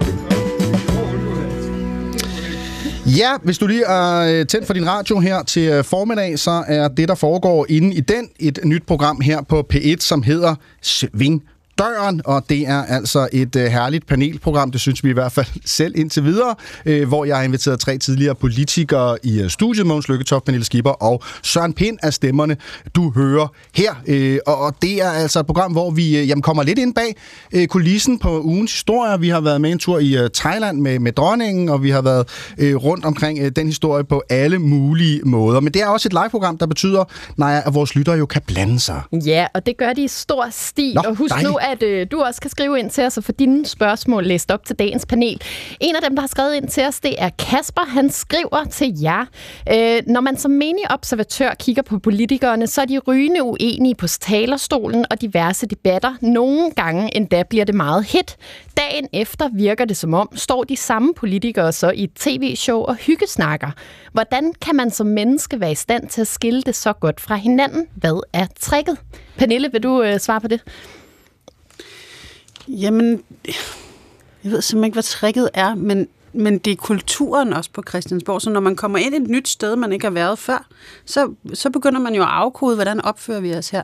Og der tror jeg, at det danske parlament ligesom har en... Et, der er masser af downsides ved den kultur, der er på Christiansborg, og ting, man bør lave om. Men en af de ting, der er godt derinde, det er, at der er den der øh, tradition for, at man simpelthen taler ordentligt til hinanden, når man ikke diskuterer politik, og man skiller øh, skæg og snot fra hinanden, og personer og politik skiller man ad. Øh, og det betyder jo, at der er nogen, jeg synes, der er hyggeligere end andre, ligesom der er alle andre steder i verden, men det er aldrig politikken, man sådan... Det lader man aldrig, det tager man aldrig videre end, der, end, det, end den ramme, det er ramsat i. Ja, man, har jo en, man har jo en eller anden respekt for, at, at de allerfleste af de mennesker, man har mødt, jeg tror, jeg har siddet i Folketinget sammen med tusind forskellige personer, godt og vel, i, i, i løbet af fire årtier. Og, og de allerfleste er jo gode repræsentanter for det, de nu har, har, har lovet vælgerne at prøve at arbejde for. Og, og, og det har man da respekt for. Og det er klart, selvfølgelig skændes man om, hvad vej landet skal gå, men, men, men det er faktisk en kvalitet, som få andre parlamenter i verden har, at vi har rimelig venskabelige relationer på tværs af partierne. Mm. Og, og, og når man har siddet tilstrækkeligt længe, så kommer man også til at vurdere folk mere på, om man kan stole på dem, end hvad parti de tilhører. Mm. Og det er ikke altid det samme. Nej. Så har vi også, øh, nu bryder jeg lige ind, fordi at der er flere lyttere, der skriver nemlig, øh, og en skriver og spørger øh, herrene her i studiet, hvad er det klammeste spørgsmål, Mogens Lykketoft og Søren Pind er blevet stillet? Underforstået findes der former for chikane mod mænd, som journalister ikke kan forestille sig. Det er Jens, der skriver det. Søren Pind, jeg ved ikke, om, øh, om du har et svar til ham? Jeg synes godt nok... Øh jeg kan ikke komme i tanke om en enkelt. En decideret chikane. en enkelt, så altså, det meste, det, det meste, jeg har været udsat for, det er Brian Weikarts utrolig dårlige ånd, når han står helt ufatteligt tæt på en og prøver på at provokere en til at sige noget dumt. Det synes jeg er, det synes jeg faktisk, det tror jeg er det mest klamme, jeg har været udsat for uh, ting. Ja.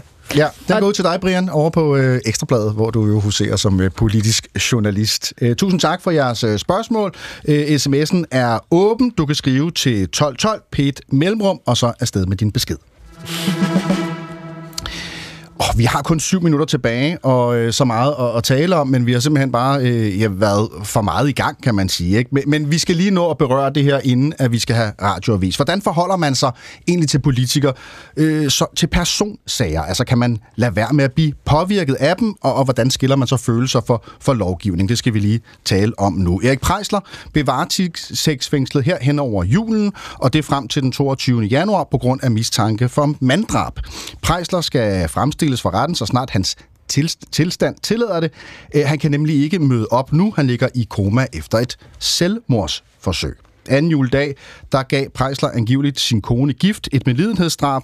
Hun var meget syg, hvorefter han forsøgte at tage livet af sig selv. I en række mails til familien, der fortalte han så, hvad han havde gjort, øh, og derfor fandt man ham i tide og nåede at redde ham. Konen gik altså bort. Medlidenhedsdrab er jo strafbart i Danmark, selvom strafferammen er en anden, hvis den syge er indforstået med, hvad der skal ske. Øh, den her debat om aktiv dødshjælp, den blusser op jævnligt. Vi havde en, en, en stor øh, øh ting sidste år med det, hvor statsministeren var ude og bede etisk råd om at tage stilling. 16 ud af 17 medlemmer sagde, ej, det er ikke en god idé, øh, de kom ud med, at der var for meget på spil omkring vores grundlæggende menneskesyn til, at aktiv dødshjælp skulle indføres i Danmark. Vi danskere 72 procent synes ellers, at det er en god idé. Der er noget, vi ikke helt forstår øh, ved aktiv dødshjælp og konsekvenserne. Og, og statsministeren har jo også talt positivt om det på folkemødet øh, sidste år. Men hvordan gør man egentlig, øh, Søren? Altså, hvordan agerer man i sådan en situation her, hvor at vi har en meget konkret sag, øh, hvor man kan have stor sympati for, for de, de implicerede, men du har for eksempel været justitsminister der er en lovgivning øh, på området. Øh, ja, øh, du, ja, du kan jo få til at også have været øh, integrations- og ud, øh, hvad hedder det, øh, altså flygtningeminister. Og der har du jo også øh, ikke drabsager, men du har de her sager, hvor folk, som du faktisk har en umiddelbar sympati med, skal udvises. Det er mm. mega svært. Det har jo fældet ministre, at de ikke kunne håndtere netop også den empatiske side af det. Og det er svært. Øh, og der har jeg i hvert fald altid selv valgt øh, den måde, at udtrykke en, øh, en forståelse, når jeg har syntes, det var på sin plads, over for, hvad mennesker har gjort i en bestemt situation, men også måtte fastholde, at loven er suveræn. Altså, mm. vi, kan ikke, vi, kan ikke have, vi kan ikke have et samfund, hvor folk bryder loven, når de selv bare synes, selvfølgelig lige på nær måske fartgrænserne, men altså, det er så det. øh, altså, øh, det, det, det, det kan man ikke. Og det, og det, jamen, det er, fordi jeg gider ikke blive taget i en... Øh, altså, får jeg bare besked på, at jeg er en hyggelig idiot. Mm. altså, øh, det, det, det er, loven er principielt suveræn, og, og, og det bekymrer mig faktisk øh, i de her år, at, øh, at vi... Jeg ved ikke, om I andre har den samme oplevelse, men vi, vi oplever en relativering af, hvad loven egentlig er. Hvad mener du med det? Jamen, at folk betragter det som, øh, som noget, de selv bestemmer, om de vil følge eller ej. Inger Støjberg, for eksempel. For eksempel. Ja, øh, hun ja. er et eksempel af mange, Ja, men der ja. er ikke Og enige Altså, om. de her politianholdelser, som hele tiden bliver gjort til genstand for stor skandal, men det er jo grundlæggende, fordi folk ikke vil følge politiets anvisning. Mm. Ja. Og så videre, og så videre. Ja, ja. Men der er mange imellem det, og det bekymrer mig faktisk. Men det er ligegyldigt nu ikke politik, så jeg sidder ikke her for at snakke om, hvad der bekymrer mig. Men Nej. altså, det, var, det, var, det var et forsøg på svar. Øh, men, men, men, men når 72 procent af befolkningen, Mogens, mener noget her om aktiv dødshjælp, hvor meget, hvor meget går det ind og, og, og kilder ved, sådan, ved politikernes lyst til så at sige, ej, så hopper jeg på der og, og, og, og følger befolkningen. Det kan der være noget medvind i. Ja, det, det, det vil jeg som ikke fælde dom i. Jeg synes selv, det er et meget vanskeligt problem, fordi mm. når vi snakker aktiv dødshjælp, så er det jo fordi, vi også har noget, der hedder passiv dødshjælp. Ja. Vi stopper jo faktisk øh, øh, livsforlængende behandling meget ofte, og har kun smertestillende, så ved man, at folk øh, dør på et forholdsvis øh, hurtigt tidspunkt derefter. Øh, og, og derfra og så til at, ligesom at legalisere øh, medlidenhedsdrab. Øh, der er et stort skridt. Øh, jeg kan se argumenter både for og imod det, men i forhold til den konkrete sag, øh, synes jeg bare, at øh, det, det er dybt trist, at Ebbe Preisler ikke fik lov til at, at slå sig selv ihjel, øh, øh, og, og nu skal igennem en retssag bagefter. Altså, Mm. Det virker... Øh, jeg havde nær sagt, og kan, kunne man ikke bare give tiltale frafald i det mindste? Hvad, hvorfor skal han igennem en retssag Mm, på det der? Men, men jeg er enig i, med, med Søren selvfølgelig i, at loven skal jo overholdes, så længe loven er sådan, og det her vil selvfølgelig være en sag, der speeder op diskussionen om, lægger vi grænserne rigtigt Ja. i lovgivningen? Ja. Ja, for loven er sådan, Søren, men hvad hvis et, et, et familiemedlem, som du holdt Jamen, det kær, det, der kom og sagde svært. til dig, jamen Søren, jeg kan ikke mere, jeg vil ikke mere, jeg har ikke lyst til det her. Ja. Hjælp mig, hjælp mig, hjælp mig. Jamen, det er svært, og det, man ikke skal undervurdere, det er jo, at øh, for nogen, altså nu er jeg jo selv øh, øh, er en vis religiøs overbevisning, og det, altså, det, ting bliver bare sværere. Der er ja. nogle ting, hvad er Ja. liv? Ja, ja, ja. Øh, det er jo derfor, og det, der synes jeg faktisk, Folketinget er et meget fornemt sted i forhold til de diskussioner, øh, både hvad angår abort og dødshjælp og så. Der er faktisk en seriøs diskussion om tingene, særligt når dørene bliver lukket. Mm. ja, og der er så også et af de steder, hvor vi ikke prøver at håndhæve øh, Ja, parti- partidisciplinen. Ikke? Ja. Ja. Jeg synes også, at det, det, det er sådan en balance, fordi på den ene side, så er det jo ret vigtigt, at man som lovgiver øh, bruger den virkelige verden. Når den virkelige mm. verden, at loven er for dum til den virkelige verden, så Ja, skal vi lave den demokrati jo. Ja, og derfor er det jo sådan, at nogle gange, når man ser, hvordan loven den virker i den virkelige verden, sådan var det jo med voldtægtslovgivningen for eksempel. Ja. Øh, Apropos ting, vi har lavet sammen. apropos ting, øh, Søren Pind og jeg har lavet sammen. Ja. Øh, det, det var jo, vi kunne se på nogle sager, her er noget, vi skal have lavet om, men det betyder jo ikke, at man skal dømme i den konkrete sag. Ja. Det var øh, det sidste ord i, i den sag i hvert fald. Øh, vi når i øh, denne time af Svingdøren. Vi har heldigvis en hel time til øh, til nye emner og nye snakke. Jeg fik sagt Erik Prejsler, han hedder Ebbe Prejsler, det skal de sige. Undskyld for. Øh, lyt endelig med efter øh, radiovisen, hvor vi så skal se nærmere på statsministerens nytårstale. Øh, vi skal tale om klimaangst. Øh, og vi skal også en tur ud i det store udland og blive klogere på året, øh, der kommer. Radiovisen er på trapperne her på P1.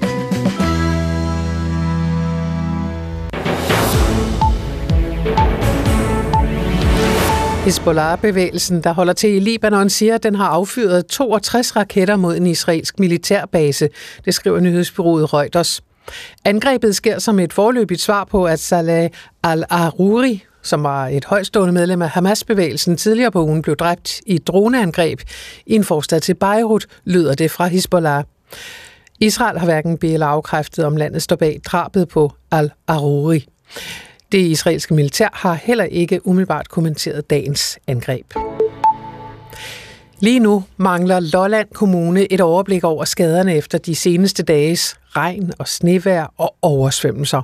Men borgmester Holger Skov Rasmussen møder gerne op efter, at Miljøminister Magnus Heunicke har inviteret de ramte kommuner og myndighederne til et møde for at indsamle viden om kystbeskyttelse og klimatilpasning. Jeg tror, at der er et kæmpe behov over øh, hele landet for at finde øh, løsninger på, hvordan vi øh, håndterer fremtidens klimaudfordringer, og det er et nationalt anlæggende, så og nu har det ramt Lolland igen, og måske rammer det et andet sted næste gang, så derfor så er vi nødt til at finde ud af, hvordan vi håndterer det her fremadrettet og i fællesskab. Han håber på en national strategi og at der kommer statslige tilskud til de løsninger, der er nødvendige, og at man kan låne penge til for eksempel digebyggeri og betale tilbage over ja, 100 år måske. Øh, hvis vi skal bygge større, stærkere dige, og det kan holde i 200 år, jamen, så skal det måske også kunne finansieres over 100 år. Og det betyder, at man meget bedre og lettere kan få befolkningen med og lokalsamfundene. Med udsigt til tocifrede frostgrader om natten har kirkens korshærs varmestue i Odense gjort sig klar til at tage imod hjemløse, der har brug for det. Kirkens korshær har været i kontakt med andre varmestuer i byen og aftalt, at man tager alle, der måtte ønske det ind, og at man også vil lave ekstra pladser, hvis der bliver brug for det. Leder Heinz Vold forklarer, at det kolde vejr kan være livstruende for hjemløse for den gruppe her, vi har mennesker her, som jo tit og ofte måske også har øh, et alkoholforbrug eller andet, så er det jo livsfarligt øh, at falde i søvn, når man ikke kan tage vare på sig selv i sådan nogle frostgrader. Så, så det er meget alvorligt, når det bliver øh, så lave frostgrader. Og det er fortsat glat på vejene i store dele af landet, så der er grund til at køre meget forsigtigt. Status er nu, at der er fremkommeligt i stort set hele Danmark, men man kører fortsat og rydder sne og salter, hvor der er behov for det, fortæller vagthavende Kenneth Andersen i Vejdirektoratets Trafikcenter. Østjyllands politi har i flere dage frarådet al unødig udkørsel, og her til formiddag gælder det fortsat. Men øh, lige nu mødes man med de relevante myndigheder og tager bestik af, om man vil ændre den melding. Først skyde mange steder, og mod syd kan der komme lidt sne, og i Nordsjælland kan der ligge rimtog. Men i løbet af dagen klarer det op, og så får vi tørt vejr og sol. Svag til frisk vind omkring nordøst, og fra 1 graders varme til 8 graders frost.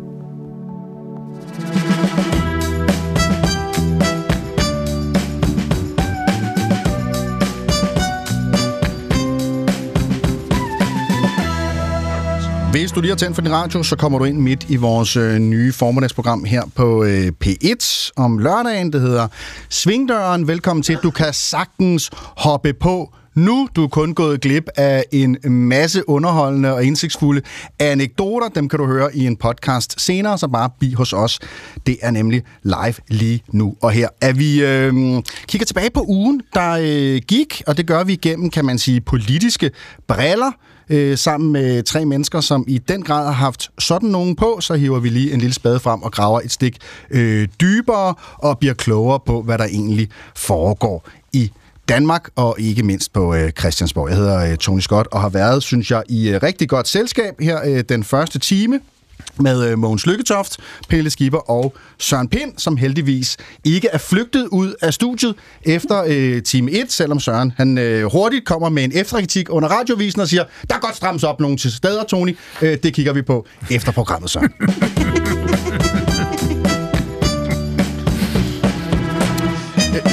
Ja, og ved min side, der sidder produceren Naja, som blandt andet øh, holder et øh, vågent øje på inputs, øh, kritiske spørgsmål og, og bemærkninger fra øh, dig, der lytter med. Det er jo altså sådan, at man kan, man kan skrive ind, for vi er her jo lige nu. Nej. Ja, og det kan man. Man sender bare sin besked på 1212, og så skriver man P1 mellemrum, og så sin besked.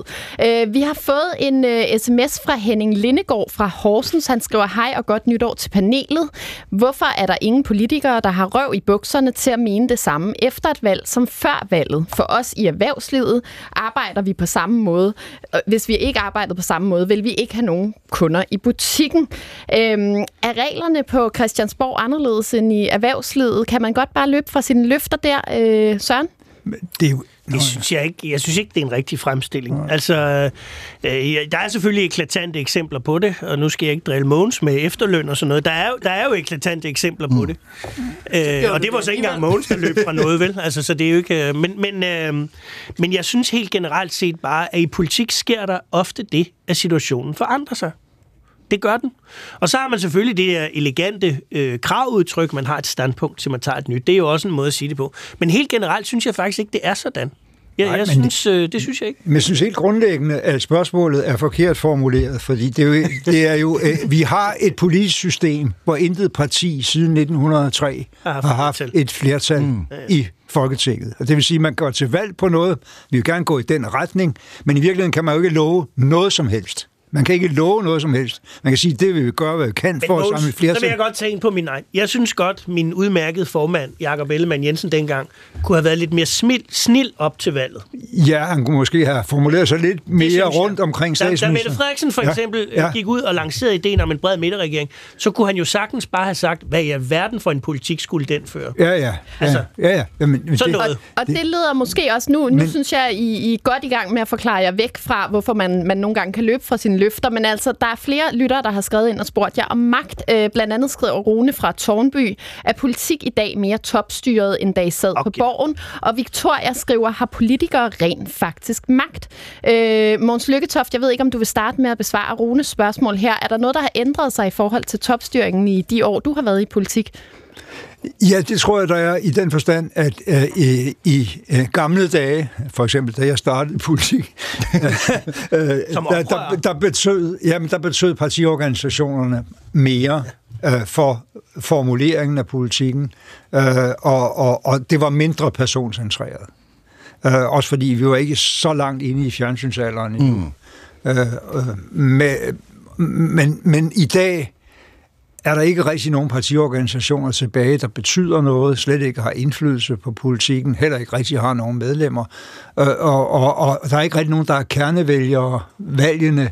Øh, folk tager stilling til en eller anden sag, der optager dem særlig meget, lige op til et valg. Og det betyder, at personerne, personernes gennemslagskraft, har en meget, meget større betydning for valgenes udfald. Og det giver selvfølgelig også de personer, der har den gennemslagskraft, en større magt, end de måske havde som ledere tidligere.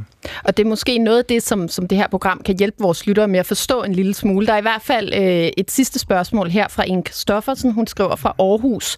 Øh, og hun har også svært ved at gennemskue det her politik. Hun skriver, hvorfor er det, at ingen troede på, at Mette ville lave en midterregering? For mig var det logik, at hun selvfølgelig ville gøre det, hun havde sagt. Lev Mette.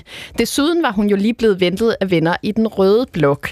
Øh, det kan godt være, at Inge Kristoffersen kunne gennemskue det her, men kunne I også det? Kunne I have forudset, da vi sad her for okay, måske halvandet år siden, så at det var den situation, den regering, som vi ser i dag, der vil, øh, vil være ved magten? Jeg troede på det. Altså, jeg troede ikke på det. Jeg troede ikke på det. Men, men jeg tror også, det der var jo en del af det, der var øh, Socialdemokraternes kommunikationsstrategi i, i hele den valgkamp op til, det var jo at sige lidt begge dele, så man kunne høre, hvad det var. Altså man kunne jo man kunne lægge det i munden på Mette Frederiksen, som man gerne ville høre. Øh, og det fik dem nok også et godt stykke øh, over... Øh, mm. Er det, er det, der er en anden historie her, som, som ikke kan fortælles tit nok. Det er de radikale, der har skabt den her regering. Fordi de radikale i slow motion fældede den socialdemokratiske etpartiregering, som formentlig var mere handlekraftig øh, end, end det, der er kommet ud af det bagefter. Mm-hmm. Øh, men, men, men de radikale ikke bare fældede den socialdemokratiske etpartiregering. De sagde også, at det skal være en bred regering. Det var de radikale, der åbnede porten for at få Venstre i regering. Uh, og det er en meget upåagtet kendskærning. Hmm. Uh, Mette Frederiksen havde ikke så frygtelig mange andre muligheder uh, end at prøve det her fordi de radikale opførte sig så øh, dybt mærkværdigt, som jeg vil kalde det. Du virker næsten lidt sur på de radikale. Åh oh, ja, åh oh, ja, åh oh, ja. Don't get him started. Altså, jeg, synes, den Måns og jeg har jo en fortid med radikale ja. venstre. Jeg synes, den bedste, bedste tegning i valgkampen sidst, det var Roald Als, der mm. viste Sofie Carsten Nielsen med en pistol her ved panden og sagde, det er os, der skyder valgkampen i gang. Ja. ja. Altså, jeg, jeg vil sige, jeg, jeg, har, jeg har talt med Henrik Sass om det her helt tilbage fra 2016, hvor vores egentlige indgangspunkt til det her var, at nu var det altså nok med, at udlændingepolitik skulle øh, fylde så meget og var blevet så skør. Socialdemokratiet og Venstre burde faktisk føre en fælles udlændingepolitik. Ja. ja men det er de jo også øh, gjort det, langt hen ad Jamen, det gjorde de ikke dengang. Fordi nej, da nej, vi sad i regeringen... Det siden, også der var før det, SVM. Jamen, det ske, jo, jo, men det, der skete i, der på kanten mellem den rene Venstre-regering og VLAG-regeringen, der var det jo sådan, at hver eneste gang en af de tre, det vil sige Socialdemokratiet, Dansk Folkeparti eller regeringen kom med et forslag, så fik den altid 10 procent til på en skrue blandt mm. de tre. Og sådan mm. kørte det jo. Godt. På den tidspunkt. Og så startede diskussionen faktisk dengang. Således klogere. Øhm, du kan også blande dig. Skriv ind på svingdøren, snablag.dr.dk, og det er døren med et O. Du kan også sende os en besked. Det er på 1212, skriv P1 mellemrum, og så din besked. Tidligere der talte vi om øh, dronningens nytårstaler. Det er jo sæson for taler her ved, øh, ved nytår. Vi skal selvfølgelig også øh, lige vende den, der kom fra, fra statsministeren. Øh, hvad skal sådan en tale egentlig kunne, øh, Mogens? Øh, sådan en en nytårstale. Statsministeren har ordet. En stor del af befolkningen kigger med. Hvad bruger man den til? Ja, man skulle jo gerne kunne bruge den til ligesom at tegne øh, øh en, en større vision om, hvor, hvor er vi på vej hen. Det tror jeg sådan set ikke er blevet nemmere at gøre som statsminister for den regering, øh, der er lige i øjeblikket. Mm. Øh, fordi øh, der skal de jo så være enige om, hvad der bliver sagt. Og, og, og måske er det ikke så forfærdeligt meget, de er enige om at, at, sige, ud over det, vi har hørt så, så længe. Og det kan være en begrænsning på, hvor meget gennemslag der bliver i den der tale, fordi det er jo så, så logisk det egentlig er, at den er blevet dannet, den regering, det talte vi jo lige om, mm. øh, så, så er det jo også øh, så det er jo mærkeligt, så lidt den egentlig har handlet, øh, når den nu har sit flertal. Jeg tænker på klima, jeg tænker på, på mange andre spørgsmål. Mm. Og, og, og det er måske i virkeligheden, fordi de ret store uenigheder, der stadigvæk er mellem de tre partier, bare er blevet flyttet fra Folketingssalen ind i, i de enkelte regeringsudvalg. Ja. Mm. Øh, men nu er den her sale øh, fra Mette Frederiksen den her gang, var jo på en eller anden måde også øh, forvredet af situationen mm. med dronningens afgang. En, måske en, sådan en form for en, en blessing in disguise, så havde hun da noget at tale om? Nej, jeg ved, det ved jeg ikke, om, om det var, for jeg ved ikke, hvordan øh, det første udkast så ud, men, men, men, men, men det blev, han har sagt, al respekt for dronningen, lidt for meget om dronningen, og lidt mm. for lidt om den politiske fremtid. Ja, jeg, jeg synes, det var en fremragende tale. Jamen, det kommer men vi til, Søren. Søren, Søren, Søren, Det handler også om dronningen, ikke? Jo, netop. og Ukraine og Israel. Og det, vi, vi, vi kommer til det. Det lover jeg dig. Øh, først, øh, jamen, hun talte meget om dronningen. Øh, og det har vi gjort hele ugen, og vi har også gjort det her program. Men, Men hun talte også øh, om noget andet, øh, nemlig det her. Til alle jer, der sidder derude og venter på et barn. Til alle jer kommende mødre og fædre. Familier i alle regnbuens farver, som bærer rundt på en hjemløs kærlighed. I får nu mere hjælp. Op til dobbelt så mange behandlingsforsøg. Det træder i kraft allerede i år. Men i aften vil regeringen gerne komme med endnu et forslag. Vi vil gerne indføre gratis hjælp til barn nummer to, så der forhåbentlig kan komme en lillebror eller en lille søster. Og så endnu flere af jer kan skabe den familie, I går og drømmer om. Ja, jeg kan i hvert fald for mit vedkommende sige, at øh, rigtig mange i, i min øh, omgangskreds, øh, blandt venner og, og så videre bekendte, øh, har fået hjælp til at bringe børn øh, til verden. Øh, vi har jo flere babyaktive øh, her i studiet, Søren. Du har en øh, lille dreng på halvandet... Ja, det er omkring. Halvandet års tid. Øh, Pernille, øh, du har en på trapperne. Minus fire uger, ja. Minus fire uger øh, med, med nummer tre. Øhm, øh, Mogens, du har også øh, to døtre. Øh, de er voksne jo, ja, det, øh, må man sige. Det er lidt ældre, ja. Men, men, men jeg er i den babyaktive alder. Har I oplevet i jeres omgangskreds det her, den her udfordring også? Ja, ja, det er der mange. Det er der mange. Det er der rigtig mange. Og det er også derfor, at hvis man, hvis, man må vel også være lidt kynisk her i dag. Altså, hun rammer den jo lige i bagdelen. Mener Så du? Den er simpelthen ramt lige. Den der, Lige den, den, den, den der, den Ja, går ja. rent ind øh, Ja, ja. rigtig, rigtig mange steder. Jeg synes, jeg så et eller andet, var det hver 8. barn? Ja. Ja, ja. Og, og, og, og dermed kan man jo gange, fordi der er jo rigtig mange, for hvem det heller ikke lykkes for.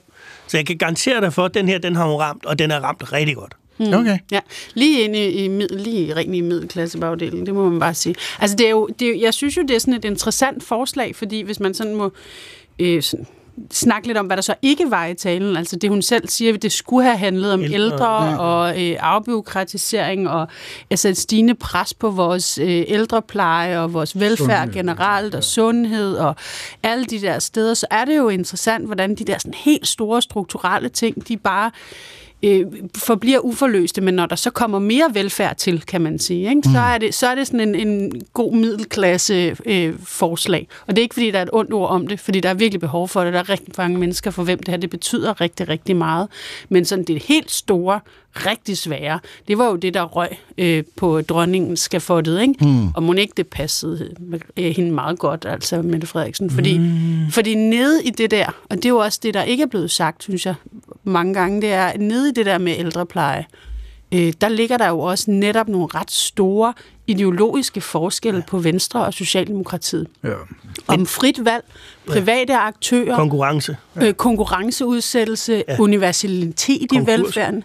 Altså, øh, konkur, hvem har ansvaret for konkurserne? Ja, ja, alt men altså, skal institutionerne lukke eller blive ved? Altså, Der er simpelthen så mange spørgsmål i lige præcis det her, som, som, hvor at selvom vi har normalt en fortælling om, at så langt er der ikke fra Venstre til Socialdemokraterne osv., så, videre, så er det her faktisk et af de spørgsmål, hvor der virkelig er ideologiske forskelle, og hvor at, hvad end de kommer ud med, når de så kommer med det om nogle uger, så kommer det til at gå ondt på enten Venstre eller Socialdemokratiet, og så bliver det altså svært. Så jeg kan godt forstå, hvis man skulle vælge imellem fertilitetsbehandling og ældrepleje mm. og være Mette Frederiksen, så tager man fertilitetsbehandling, fordi det er huh, lidt nemmere. Men både og, fordi som Mogens siger, øh, så er det jo forbløffende, hvor lidt den her regering egentlig har brugt sit flertal. Ja. Altså, Ja. Og, og det eneste, det eneste, hvis nu jeg er faktisk, en, øh, jeg, om jeg er faktisk tilhænger af den her regering, selvom jeg nogle gange har det meget svært med det.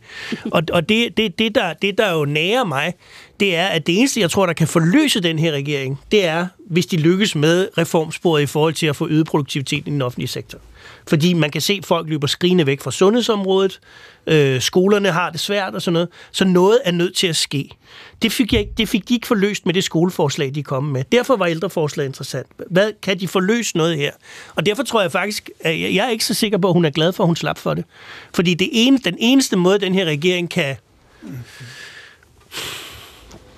kan lykkes med at fortsætte, hvis man når dertil, det er ved at, at lave en eller anden form for transformation, hvor tingene faktisk bliver bedre. Ellers kan de ikke vinde. Det kan de jo ikke nå at gøre i den næste valg. Det er jo det, der er Ja, det med kommer jo an på, om de virkelig bruger deres flertal eller ej. Ikke? Du kan ikke nå at omstille hele ældreplejen til rent faktisk. Virkelig lige meget, om du går den ene eller den anden vej. Skulle du ikke De har i nå hvert fald spildt et år. Det er. Nu har i hvert fald øh, smidt den her fertilitets øh, lille godbid ud, og, og som I, I siger herovre, jamen det er jo øh, Det er jo super alt sammen godt set. udmærket, Det er ja. alt sammen udmærket, det er alt sammen rigtig godt. Ja. Øh, Mogens, øh, dine, dine døtre er født i 70'erne. Øh, Ja. øh, talte de om fertilitet øh, i 70'erne? Nej, det husker jeg egentlig ikke som, som, som så stort et problem, men det er jo desværre udtryk for en eller anden form for, for miljøforringelse, der er sket øh, i de her sidste 50 år, Ja. at det er blevet et, et større problem. Er, er det et, et Men det er, samfundsproblem? også, det er jo også noget at gøre med, altså jeg, jeg fik mine børn, da jeg var 23 og 26. Øh, I, i, en, Ja. i, en- i en tidligere alder i dag, vil man I sige. dag eller bliver, bliver børnene født meget senere, og mm. det øger selvfølgelig Det er jo også risikoen. et af problemerne. Ja, det øger jo risikoen for, at, at, at det er svært at få dem. Ja. Ikke? Og det, man kan sige alt muligt om det, og, og, for, og forstå det osv., men det er en del af ændringen, der er meget sket. væsentligt, ikke? Vi var, vi var, mine bedsteforældre var, var fem generationer på et århundrede, nu er vi knap tre. Ikke? Betyder det, at vi politisk må ja. i vir- i virkeligheden skulle bruge de penge, vi bruger på fertilitetsbehandling til barn nummer to, til at at ændre indretningen af vores samfund, der vil gøre, at vi kom lidt tidligere i gang med Det er i hvert fald et tabu, vi ikke taler om. Ja. Fordi det vil være at trække noget ned over hovedet på kvinderne. Men det er et Der var en faktum. kampagne for nogle år siden, som, øh, hvor det var, har du talt din æg i dag, tror Ja. jeg, der var nogen, der sagde nogle, øh, Ja, ja. Og det er Jeg bare synes, en jeg tror også var en diskussion. lille smule Ja. provokerende, vil jeg gerne sige. Men det er jo også, fordi det er jo, et, det er jo en strukturel ændring af vores samfund, der er sket siden 70'erne Ja. frem til i dag. Ikke? Altså nu har lige fjernet det, regeringen har lige fjernet det 6. SU-år. Altså hvis man skal stoppe op og have et helt år, hvor man lige skal have et barn, mens man læser, så hjælper det jo ikke på vej. Og der er jo mange af de ting, som gør, at vi skal skynde os mere og mere, vi skal nå mere og mere, karrieren skal være hurtigere og hurtigere i gang, øhm, og børnene står i vejen, øh, så udsætter man det meget mere. Mm. Så, så det er jo altså, det er jo et strukturelt problem, som, øh, som, som også har noget med miljø og alt muligt andet at gøre, men som gør, at mm, vi føler ikke, vi kan nå det. Før. Vi er også, vi er, vi er også altså reelt familiepolitik er man holdt op med at føre det her land. Ja. Det Men findes altså, jo ikke mere. Jeg, jeg, jeg, jeg kan godt nogle gange sådan sidde øh, og blive lidt, lidt vred over, og, og det er ikke engang en kritik af et bestemt parti, men, men, men, men, men hele spektret er i alt for høj grad indrettet på de ældre, og i Ui. for ringe grad på de unge. Og den der SU-besparelse er måske ikke en social katastrofe, men det er et symptom på det samme. At samtidig med, at man fjerner et, et år øh, med SU, øh, så får jeg som øh, i forvejen stærkt privilegerede ældre Endnu mere. endnu mere. Øh, nu får jeg fuld folkepension også, selvom jeg jeg arbejder en del stadigvæk, ikke? Og jeg har fået præmie. Jeg har fået præmie for at lade være med at ansøge om folkepension, da jeg blev 65, men vente til jeg var 75. Øh, selvom jeg ikke kunne have fået en krone alligevel i hele perioden, så får jeg en præmie. Øh, For lad være med at prøve. for, for at lade være med at prøve. Altså, det, det, det er jo, det er jo øh, udtryk for, for en overforkælelse. Altså, og der er jo ikke nogen af os i 70'erne af de gamle, der arbejder, fordi øh, vi, øh, vi mangler noget. Vi arbejder, fordi vi synes, det er sjovt. Og det skal vi så også premieres endnu mere for. Øh, samtidig med, at man, man skærer ned i den anden ende. Det er godt for arbejdsmarkedet. og det er godt, du har det godt. Jamen, det, jamen, det hjælper. Der er jo ikke nogen som helst betydning. Og jeg ville jo ikke have tjent en eneste krone, hverken mere eller mindre, efter jeg var Jeg dig, 65. men det der, det er jo vælgerangst. Det ved du også godt. Det er jo fordi, man ikke tør. Ja, ja, men altså, det, det er jo et problem med et samfund, der bliver så alderstungt, ja. så, så den politiske opmærksomhed først og fremmest retter sig til de der øh, gamle generationer, mm. som i forvejen er dem, der gennemsnitligt set, ikke alle desværre, ikke dem, der har mindst, men gennemsnitligt set har haft en større indkomstfremgang end resten af befolkningen. Der var nogen, der synes, det var en god tale, der var nogen, der synes, det var en dårlig tale. Dem i oppositionen synes generelt, det var en øh, mangelfuld tale. Den var, den var ikke så god, som den Surprise, kunne have været. surprise, Øh, surprise. Øh, så var der dem, der ikke var en del af politik længere, men havde været det. Simon Emil Amitsbøl noterede jeg mig øh, på, øh, på Twitter X, ud af rose talen, hvor til Søren Pind svarer følgende. Ja, det var en fremragende tale. Det var det. Søren, hvorfor var den fremragende? Øh, Fordi den i situationen dækkede alt det, der skulle dækkes. Og fordi den havde nogle utvetydige budskaber. Øh, ja, jeg synes, det der facilitet var exceptionelt smart. Mm. Men oveni var der hele øh, spørgsmålet om Ukraine, som jo fylder øh, meget for mig. Jeg er formand for den danske Ukraine-komité. Ja. Hele Israel-spørgsmålet, hvor hun balancerede på en ny måde i forhold til, hvad hun har gjort ja, før. Det så vi.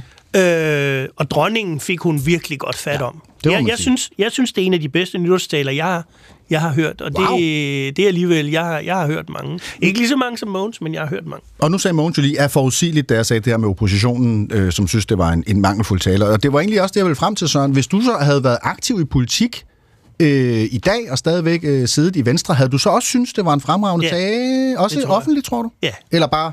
Nej? Det kan godt være. Det ja. kunne godt være, at jeg holdt min kæft, men det er jeg faktisk ikke sikker på. Lige Nej, præcis det- Søren det kan man aldrig være sikker på, nej. Nej, det kan man jo ikke. Det kan man jo ikke. Nå, men, altså, men det man tror kan jeg også ikke. bare sige stille jo. Så. Men altså, jeg vil sige, da, da jeg skulle kommentere nytårstal, dem har jeg også kommenteret en hel del af, og stod der med tømmermænd 1. januar og prøvede på at holde straight face. Ikke? Øhm, der starter man jo altså med at sige alt det, man synes, der skulle have været i den tale, som ikke var der. Mm. Øhm, og jeg synes også, den her, det var en, det, hun blev nødt til at snakke om dronningen. Det var da ligesom, det ville folk være blevet sure over, hvis hun ikke gjorde. Mm. Øh, det havde været vildt mærkeligt. Øh, jeg bemærkede også den nye balance på Israel-Palæstina, som jeg selv personligt synes var ekstremt tiltrængt øh, og har været for længe undervejs, og så helst skal følges op med noget mere handling. Men der, hvor den faktisk manglede noget, det var på klima. Altså halvanden ja. sætning på klimaspørgsmålet. Mm. Det kan selv Søren Pind ikke være begejstret for. Altså det må... Man kan jo ikke nå alt. Det er det, det, er det, det er det emne ud over sundhed, som folk går allermest op i. Det er den største globale krise, vi har stået overfor i generationer. Der har været igennem en kop, hvor det er gået dårligt.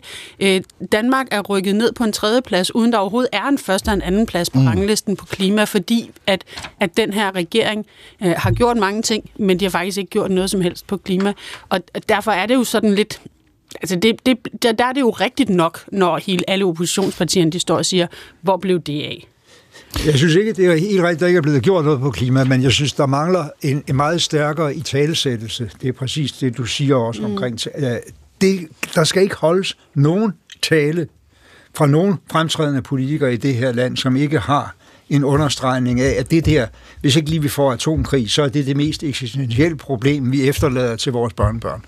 Og, og, og, og den der vedvarende påpegning mm. af det, som skal skabe den folkelige tilslutning til at rykke hurtigere, den savner jeg også fra den her regering. Vi kommer til klima lige om lidt, øh, Mogens, ja. øh, så får lov til at, at sige lidt mere o- om det. Men inden da, så kunne jeg godt tænke mig at, at ligesom prøve at teste jer i, om de her sådan, øh, taler egentlig betyder noget. Er det vigtigt, hvem der er statsminister, og hvad de så siger, øh, når de er det? Øh, og, og det har vi, vi prøvet at lave en lille, kan man sige, øh, quiz ud af. Og det betyder, at I skal tage jeres øh, hovedtelefoner på, og, og så spiller jeg nogle, øh, nogle små klip for jer. Og, og det første, det er altså en... Øh, en I, kan, I er på hold sammen, kan jeg sige, så I må gerne hjælpe hinanden. Mm-hmm. øh, men, men quizzen går i alt enkelhed ud på, at I skal prøve at identificere, hvem er statsministeren, der sagde det her i sin nytårstale. I november var jeg på en kort ferie på en af de vestindiske øer. Flyveturen gav mig en sælsom oplevelse. Jeg læste om slavernes skibe på vej til slavernes øer. Pludselig følte jeg mig på vej over Atlanterhavet i et slaveskib i det 17. århundrede. Skibet sejlede i øvrigt under dansk flag. De mange velklædte mennesker i flyet blev for mig forvandlet til sorte mænd og kvinder i slaveskibets lastrum. Ja, hvem bruger flyverens passagerer som en metafor for dansk slavehandel og, og træder så videre ud i at tale om, om frihed i verden, og der er mange steder, hvor at, at folk ikke er så frie som her i Danmark? Hvem er den? Må det, være, det kan være, jeg tror, det er Lars Lykke. Ja, det tror jeg også. Ja. Okay. Han havde det der besøg på de viste. Ja, jeg kan nemlig heller ikke huske andre, der har været Nå, jeg skulle, sige, jeg skulle lige til at hjælpe dig, Mogens, og sige, har du et bedre bud? Nej, jeg har egentlig ikke noget bedre bud, øh, men jeg, jeg, jeg, jeg, jeg tør sige, at, at det, det er i hvert fald det er hverken Anker eller Nyrup, for dem har jeg lyttet til, og de har ikke været på de vestindiske øer, mens de var Nej, statsminister. Men problemet er, det eneste, jeg synes i forhold til det med lykke, det er, at sprogbrugen er ikke... Jeg synes ikke, den er... Jeg synes ikke, Lad os høre, hvem det var. I øh, november var jeg på en Det er kort Anker. ferie. Uh, er det, er det Anker? Og du når lige at sige, at det ikke er Anker. Ja, Flyveturen Ja, gav ja, mig det- så har min hukommelse en alligevel oplevelse. Jeg lidt. Ja, læste det kunne godt passe med hans slavernes også. skibe Ja, på det kunne det godt, men jeg kunne bare ikke huske, at han havde været der. Nej. Nej. Det er også tilbage i 1973. Er I 73? Ja, Han taler om Okay, en- okay, okay. Nej, nej, men du er jo... Øh, er du ikke statskundskaber eller et eller andet? Altså, har I ikke... Øh... Jeg er bare jurist. Jeg er bare jurist, det er også, hvad det er. Et eller andet. Nå, øh, er I klar på en til? Sproget passede godt nok med Anker, det er rigtigt. Øh, Det var sådan det der lidt blomstrende drømme. ja, ja, ja, Fordi ja. sproget passede ikke på lykke. Nej. nej. Hvilken statsminister taler her om vækst? Vi har skruet ned for afgiften og op for konkurrenceevnen. For det er godt for os alle sammen, når danske virksomheder har fremgang, og vi bliver ved. Regeringen vil lægge nye forslag frem. Forslag, der skal skabe mere vækst. Vi handler, og vi passer på hinanden. Ja, hvem er det, der passer på hinanden Må det ikke samtidig? det slutter, det der? Med de skaber du vækst. ikke det, Måns? Eller, Altså, det der citat kunne sådan set være hvem som helst. Ja, det være dem alle sammen. Ja, Det gør det jo ja, så svært. det, Det det gør det meget, meget svært. Ja. Jamen, den der, den, Så kan I jo helgardere næsten og komme med et bud moderne hver. statsminister, der taler så ubetinget for vækst. Er det der er Anders Fogh? Tror du det? Ja. Jeg tror mere slutter, tror jeg. tror, det er Ja. Men I får en overraskelse nu, hvor jeg trykker på knappen. Er Nyrup Vi har skruet ned for virksomhedernes Ja, afgifter og op for konkurrenceevnen. Nå, det er Thorning. For det er godt for os alle Men det, sammen, jeg siger, det når kunne være danske virksomheder har fremgang. Og vi bliver ved. Og vi, Og vi bliver, bliver ved. ved. Og hun bliver ved. Ja, og det gjorde hun. Hun ja. blev ved. Så er der et sidste. Øh, I har chancen for, Det er øh, selvfølgelig relativt enkelt fremstilling. for at, at lave et øh, point her. Øh, det er en svær quiz, det ved jeg godt. Jeg synes bare, det var meget sjovt. Øh, en statsminister, som lover os alle sammen, puha, vi kigger ind i et rigtig dystert år. Kan vi håbe, at bliver et godt år? Regner vi ikke netop med, at bliver et svært år for os alle sammen? Jo, det gør vi. Og det kan desværre ikke være anderledes. Nej, det kan ikke være anderledes. Det bliver et hårdt år for os alle sammen. Hvem, hvem var Er det? det, er det Mette Frederiksen sidste år? Er Ja, det det, det? men, øh, ja, det kunne være Mette ved corona. Nej, det kunne det måske godt. Åh oh, ja, det kunne det godt have Ja, været. ja. Ja, Næppe eller været. sidste år, da de lige havde dannet Ja, vi har ikke gættet nogen af dem simpelthen. Nej. Hvem var det så? Øh, det Ej, vi tager med det. Vi tager med det. I tager med det? Ja, vi skal tage med det. Kan vi håbe, Nej. at 1983 Der var han. bliver Køle. et godt år? Hvem, hvem var det? Regner vi Poul ikke netop Hvor var? Ja. at Og hvornår var det 1983 så? bliver et 83. svært år 83. Ja, ja. for Ja, os ja. alle sammen? Ja, så der er vi lidt tilbage. Vores alle sammen. Ja, Og det ja. desværre 0 point, altså ingen Ja. vinder af... Det går godt. Jeg havde ellers en pitkop her til, til den der, men den kan vi jo lade stå til øh, næste uges Ja, øh, ja. panel, hvis der kommer en, en lille quiz der. Øh, tak for alle budene.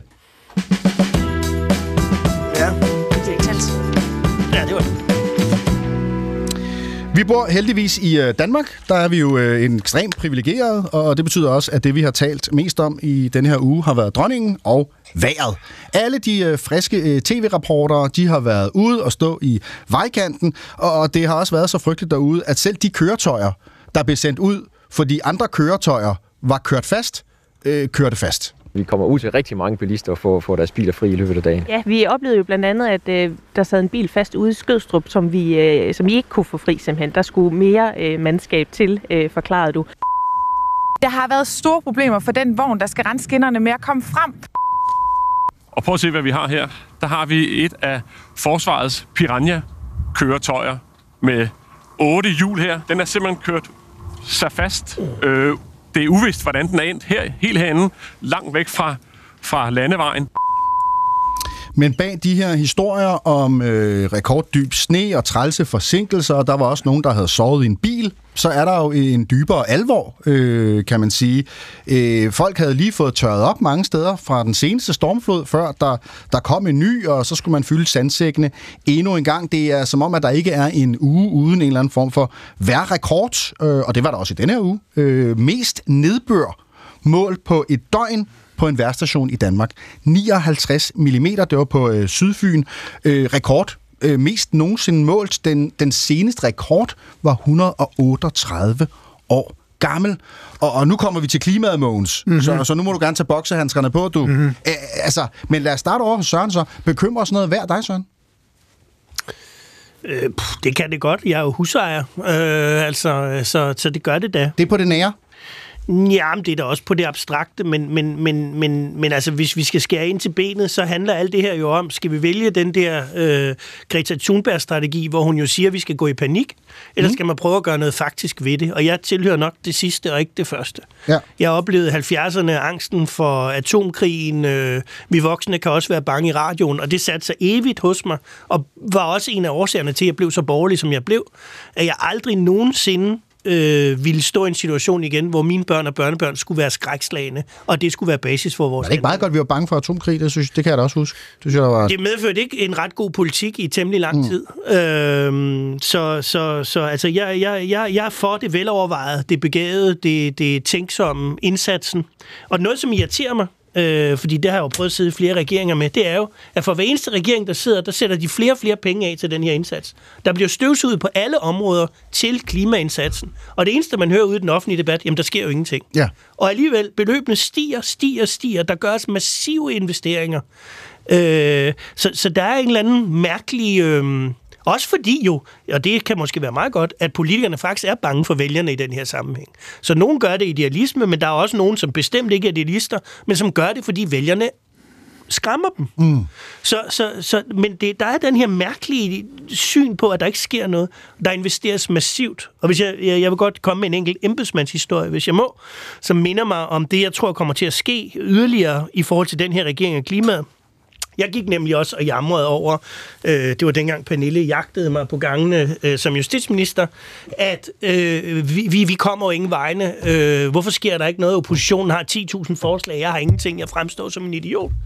Og så kiggede en af de dygtigste embedsmænd, jeg har, jeg har mødt på mig, så sagde han, minister, lige om lidt kommer du med 33 forslag, som justitsminister, øh, Justitsministeriet grundigt har gennemarbejdet. Så rydder staten bordet så er der ikke mere at sige, og så står de der tilbage. Og det er essensen, og det er det, jeg tror kommer til at ske i forhold til, altså det klima slutter jo aldrig, men jeg tror, at man skal måske også lige belave sig på en lille smule tålmodighed i forhold til, at den her regering kommer til at fremlægge nogle forslag, som faktisk kommer til at virke.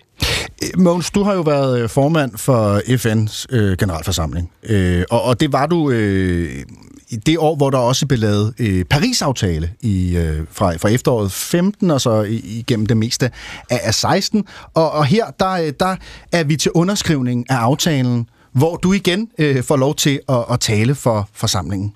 This is a moment of great hope. And for that, I say congratulations. Mm. Congratulations to heads of state and government for demonstrating what true leadership is all about, for finding a way when many said it could not be done. Ja, det er øh, med stort håb, at I skriver under, og tillykke til alle regeringsledere, der har været med. Det kunne ikke lade sig gøre, men det lykkedes alligevel, er sådan den hurtige opsummering, Mogens, af det, du ser, siger her. Vi følger jo med i de her øh, COP. Det var, var vist COP 21, hvis mm. jeg husker rigtigt, og der har lige været endnu en COP her i efteråret. Og, og hver år, så, så sidder man som menigmand og er lidt ligesom måske det Søren anklager øh, os borgere for, hvorfor sker der ikke noget? Men hvad er det egentlig for en opgave at få, øh, var det 196 lande, der var med i Paris-aftalen, mm-hmm. øh, til at blive enige om noget som helst? Ja, det er en meget, meget stor opgave, men den første nødvendige forudsætning for, at den opgave lykkes, bare at blive enige om teksten, så kommer alt det, der skal gøres for at udmønte teksten bagefter, det er jo, at der er nogle store magter, der står sammen om at gøre det. Og det, der var, gør Paris-aftalen til et enestående fremskridt i formuleringen af nødvendig klimaindsats, det er, at det er sidste gang øh, forløbig i nyere historie, at USA og Kina mm. var på samme side.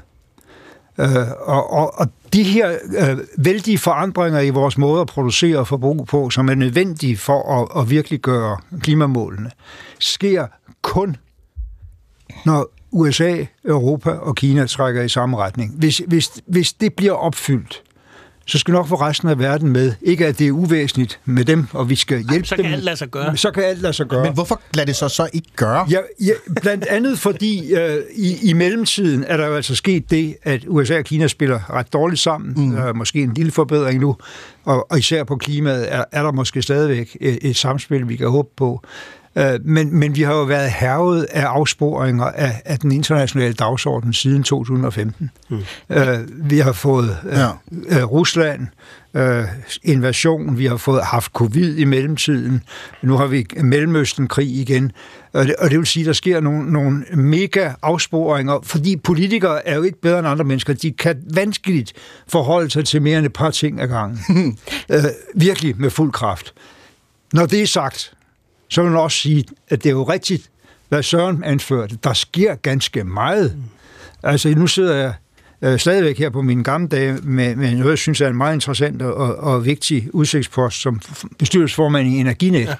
Vi investerer 10 milliarder i år, 20 milliarder næste år, i at koble øh, sammen alle de der øh, vind- og solanlæg på land og, og på vand, øh, som skal være det, der forudsætter mm. det væsentligste Det er den skridt. praktiske virkelighed, Det, det væsentligste skridt i den grønne omstilling. Men- Men, men- men, men, men, men sidste pointe, ja. der skal vi lige have med. Der, hvor politikerne ikke er modige nok, og det gælder alle vegne, det er, den nemmeste og hurtigste vej til adfærdsændringen er at gøre den bæredygtige adfærd billigere, og den ikke bæredygtige adfærd dyrere. Mm. Og det er, det er noget med indretningen af vores skattesystemer at gøre. Det er meget ømtåligt, og vi kan se, hvor, hvor, hvor langsomt det går bare med det der lille skridt, der hedder landbruget og CO2-afgift. Men i virkeligheden er det jo hele vejen rundt. Vi skal have de der CO2-afgifter. Mm. Og så må vi så for at lette uh, nogle andre skatter, og især for dem i bunden, så det hele bliver socialt retfærdigt.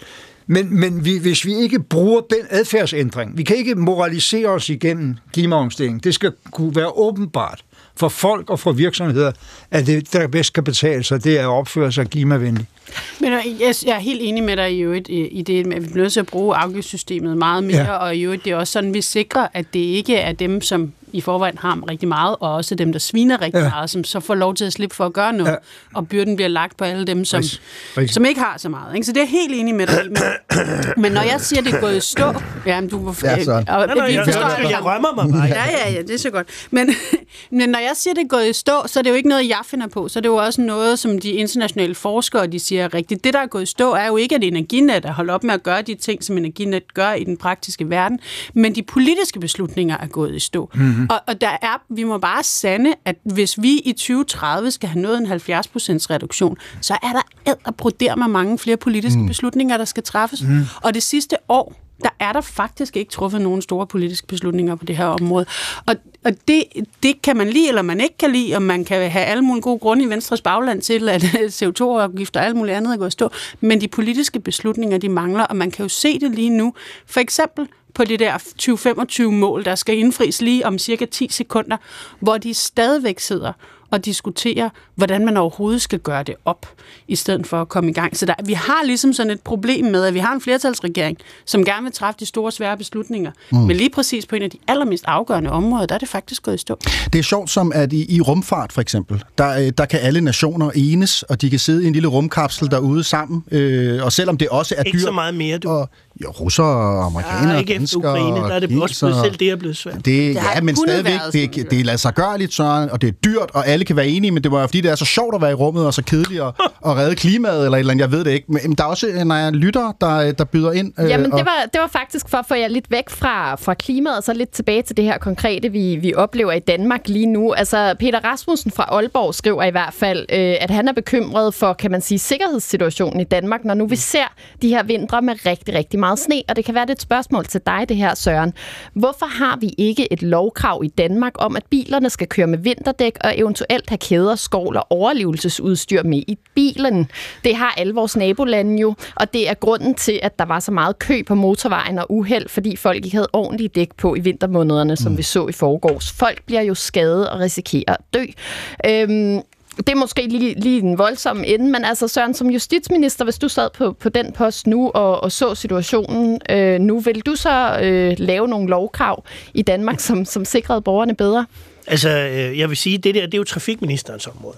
og, øh, og, øh, men jeg har forstået, jeg har forstået, der simpelthen består... Politikeren ud af Jeg har forstået, der er en uenighed imellem... Øh, der er faktisk en uenighed imellem øh, nogle mennesker omkring det der, om man skal have det der krav om vinterdæk eller ej. Jeg har ikke, jeg, jeg har ikke forstand på det. Jeg, jeg sætter selv vinterdæk på mine biler. Og tusind tak for at opklare det, Søren. Det ved jeg simpelthen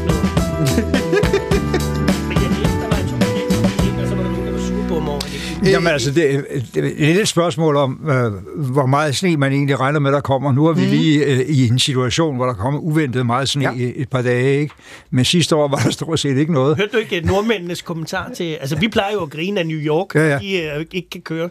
Nordmænden, han kiggede ned og sagde, ja, det havde ikke været et problem. Øh, men i hvert fald kan man sige, at om det kommer som det ene eller det andet, så er der jo kommet øh, rigelige vandmængder Ja, øh, det er i der. de senere øh, sæsoner, og det har i hvert fald været noget, som øh, folk har, har bakset med derude i, i den grad, at det også er noget til mig. Der var simpelthen vand i kælderen den anden dag, så øh, jeg håber da, at der er nogen, der trækker arbejdstøjet og, og får gjort noget ved det.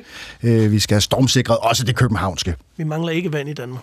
Vi mangler ikke vand lige nu, nej. Mm-hmm. Øhm, det sidste, jeg kunne tænke mig her i, øh, i programmet, øh, inden, øh, at vi har jo god tid tilbage heldigvis, øh, men, men jeg tror, at der kommer til at være meget at, at snakke om, så jeg tænker, nu kan vi lige så godt lige øh, hoppe videre.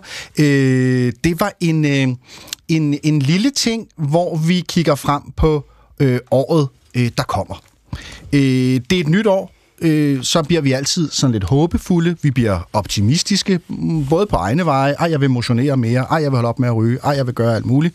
Øh, se min familie og så videre. Vi bliver måske også endda optimistiske på sådan ja, menneskeheden øh, på klodens vegne og tænker, ej, kunne det være i år, at, at det skete? Øh, kunne det være i år, at den krig sluttede? Kunne vi da bare øh, vinde en fodboldkamp? Øh, eller et eller andet, ikke? Helt frisk og, og ny er øh, 2024.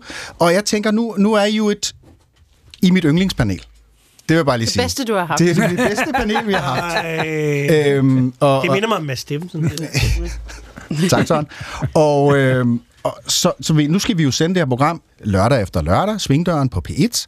Og, og, og kunne vi lave sådan en, ikke juridisk bindende som Paris-aftalen, øh, men, men i hvert fald sådan en concord, hvad hedder det, en akkord, en akkord eller sådan noget, når det ikke er sådan endeligt aft, øh, endelig aftale, er det sådan, man siger, Måns? Mm-hmm. Øh, om at, at I så også er det sidste panel i, i 2024. Ej, hvor hyggeligt, ja. Ja, ja. Ja, det kunne vi sagtens finde ud af. Det vil vi godt finde ud af. Godt. Ja. Fordi så tænker jeg, så kan vi jo nu tale om, hvad kommer til at ske i året, og så mødes vi i slutningen og siger, hvad skete der så egentlig? Ja. Det er morsomt. Dronningen ville have sagt. Det er morsomt. morsomt. Øh, det er jeg glad for, at I er klar på, fordi så starter vi med noget, som I elsker, øh, lige så meget som jeg gør, og det er valg. Øh, der er jo simpelthen bare... Ikke altid. Der er selvfølgelig, hvordan, hvordan det går. Altid. Men op til dagen er det vel meget sjovt. Så der er meget arbejde. Det særlige ved i år, det er, at vi skal jo nærmest alle sammen til, til valg. Ikke? Vi skal alle sammen i, til stemmeurnerne og sætte kryds. Øh, Og det er en global ting. Det er næsten 4 milliarder mennesker, der skal ud og bare have demokratiets festdag derude. Det er i Taiwan, det er i Rusland, i Indien, Sydafrika, Storbritannien regner man også med, masser af lande i, i Europa, det er Belgien og Finland og Kroatien, Litauen, Rumænien, Slovakiet og Østrig, der er præsidentvalg og parlamentsvalg, og, og jeg skal komme efter dig. Øh, og så er der øh, det, det internationale valg, som altid skal følges ekstra tæt. Og, og det ved jeg ikke, om det er de danske journalisters skyld, eller om det bare er, fordi det er så vigtigt, øh, hvem der bliver præsident i USA. Øh, og, og der er jo øh, lige nu, som det ser ud, to kandidater. Officielt i nat øh, var Biden øh, endelig ude og sige sådan, nu, nu er det nu. Øh, jeg er kandidat, og han fik ligesom på den måde startet den amerikanske valgkamp sådan for alvor. This is not rhetorical, academic, or hypothetical. For the democracy is still America's sacred cause, is the most urgent question of our time. That's what the 2024 election is all about. Ja, øh, og lynhurtigt, øh, så øh, var øh, den anden store øh, øh, kandidat ude, Bullerbassen, kan vi vel godt kalde ham her, øh, Donald Trump, og fyre tilbage mod øh, Joe Biden. Det gjorde han i Iowa, og det gjorde han på sin sædvanlige trumpske måde. Biden's record is an unbroken streak of weakness, incompetence, corruption, and failure. Other than that, he's doing quite well, isn't he, don't you? That's a hell of a list. That's a hell of a list, right? That's why Crooked Joe is staging his pathetic fear-mongering campaign event in Pennsylvania today. Did you see him? He was stuttering through the whole thing. He's going to, uh, gonna, he's a threat to democracy. I'm a threat. They've weaponized government. He's saying, I'm a threat to democracy. He's a threat to de- de- democracy. Wow. Okay. Det er simpelthen en amerikansk øh, præsidentkandidat, som øh, gør grin med folk, der stammer. Øhm, og øh, hvorfor sidder I to, øh, Pernille? Det er fordi, det er fordi, det er fordi vi, I sidder og vi peger på faktisk hinanden. talte om, om hvorvidt stammejokes stadig var tilladt. Mm. Ja, så lige da mikrofonen var slukket, så spørger Søren mig, må man det længere? Så siger jeg, nej, det må man simpelthen Okay. Er, er du enig i det, Søren? Ja, ja, Nu det hører du tænker jeg, joken. men så jeg synes bare, det er virkelig skæmmens ironi. Altså, han overskrider jo alle regler altid. Men så kan du også godt se, ikke, hvor, hvor pinligt det lyder. Crazy. Ja. ja. Hvad siger det om os, som jeg skulle til at sige som race næsten, Mogens, at Donald Trump øh, er i spil øh, til, øh, til præsident? Øh, Ja, det er jo et udtryk for et, et samfund, som er i total øh, øh, mental uligevægt øh, og borgerkrigslignende øh, tilstande. det er et stort ord. Øh, truer. Øh, altså, der er jo folk, øh, anseende øh, kommentatorer, der siger, jamen, du kan godt få noget, der ligner borgerkrig ud Mm. af udfald, næsten ligegyldigt, hvem af dem, der vinder. Men det er klart, øh, det amerikanske valg er først og fremmest set fra vores synspunkt i resten af verden selvfølgelig det absolut vigtigste, fordi alt kan sådan set gå galt, hvis Trump bliver genvalgt. Øh, Det kan Ukraine blive udleveret til, til, til Rusland. Øh, Mellemøsten vil være endnu mere ensidigt pro-israelsk. Konflikten med Kina bliver optrappet, NATO bliver måske opløst, og klimaet bliver totalt forsømt. Altså det Biden det påvirker enormt mange faktorer. det, det, som, det, som uh, Biden har, har fået igennem af, af klimaindsats i USA, er jo sådan set meget opmuntrende i forhold til den Mhm, mm-hmm. diskussion, ja. vi havde før. Uh, og det bliver ødelagt af, af, af Trump. Uh, men altså, det, det er jo først og sidst har Biden jo ret i, at det er demokratiets overlevelse i USA, som virkelig er på spil. Det er den 6. november i dag. Øh, undskyld, det er den 6. januar i dag, øh, selvfølgelig. Ja. Øhm, og, og det er jo en, en særlig dato, øh, hvis jeg kunne huske. Ja. Det er treårsdagen. Ja. Øh, og her øh, Lilian Gerlof Kratz, der lige rapporterer. Trump-demonstranter er, har stormet kongressen. Og da de forsøgte at storme kongressen, der øh, forsøgte politiet så, som var i undertal, at bruge peberspray. Den peberspray blev altså endte med at blive brugt øh, mod politiet selv. Vi hører, at kontorbygningerne ved siden af, altså de assistenter, der arbejder for de folkevalgte politikere, øh, er også blevet evakueret. Derfor trængte demonstranterne ind, der er slagsmål. Det her, det ligner en bananrepublik, og det er meget ubehageligt. En skæbnesvanger dag, kan man sige, øh, og en historisk dag, den øh, 6. januar øh, for tre år siden, da demonstranter altså øh, stormede øh, kongressen, øh, og nu siger du, borgerkrigslignende øh, lignende tilstand kan udvikle sig, og vi kunne måske øh, se noget lignende igen. Øh, det er øh, ikke umuligt. Spørgsmål 1 i, øh, i forudsigelsen af, på 24. Hvem bliver præsident i USA? Jamen, det er, I- kommer det er bare jo meget, meget svært at, at, at vurdere, og det er det jo også af den grund, at det er jo ikke antallet af afgivende stemmer, der afgør det, med det mærkelige system, de har. Hmm. Biden blev valgt med 7 millioner stemmers overvægt for tre år siden, hmm. men hvis der var 40.000, der havde stemt omvendt i Wisconsin, Georgia og Arizona, så var Trump blevet udråbt som rigtig valgt leder. Jamen, der er retssager, der er svingstater, der er alle mulige faktorer, og vi ved ikke engang, om det bliver... vote første gang mod Om- ham, gjorde hun ikke det? om det bliver Jo, de jo, endelige jo, kandidater, men vi skal, vi skal jo have et navn. Hvem, ja, bare kom med et navn. Jeg, jeg, jeg tror i sidste ende, det bliver Biden. Men, men jeg, jeg vil sige en ting til dig i forhold til det, du spurgte om. Fordi jeg synes nemlig ikke kun, det siger noget om Amerika, at Trump faktisk kan vinde. Det siger desværre også noget om Biden. Ja. Og jeg har faktisk stor sympati for en stor del af hans politik. Hmm. Men det amerikanske demokrati er blevet løsrevet fra sin befolkning. Mm. Og øh, det er blevet udtyndet, det er blevet et rimandsvælde. Mm-hmm. Ja. Øhm, Gud, Søren, du lyder ligesom mig. Ja, det gør jeg, men problemet er, at jeg, jeg synes også, man kan se det i de vesteuropæiske demokratier. Mhm. Jeg synes, man Ja. kan se den samme udtøning. Ja.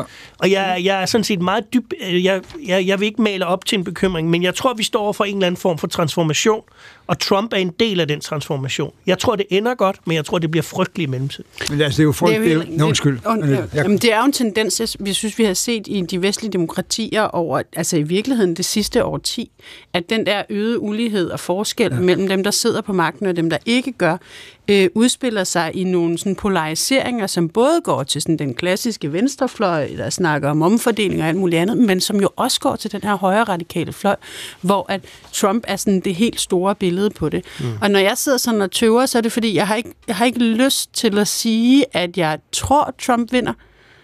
Fordi Det er der jeg vil, ikke, jeg vil ikke have, at han skal gøre det. Ja. det, det får alle de, altså det er ikke en overdrivelse, det som Mogens sidder og taler om. Altså hvor, hvor afgørende for den her verden det er, at han ikke bliver præsident. Men, men der er altså en risiko for, at han gør det. Ja. Men Biden, bare et navn.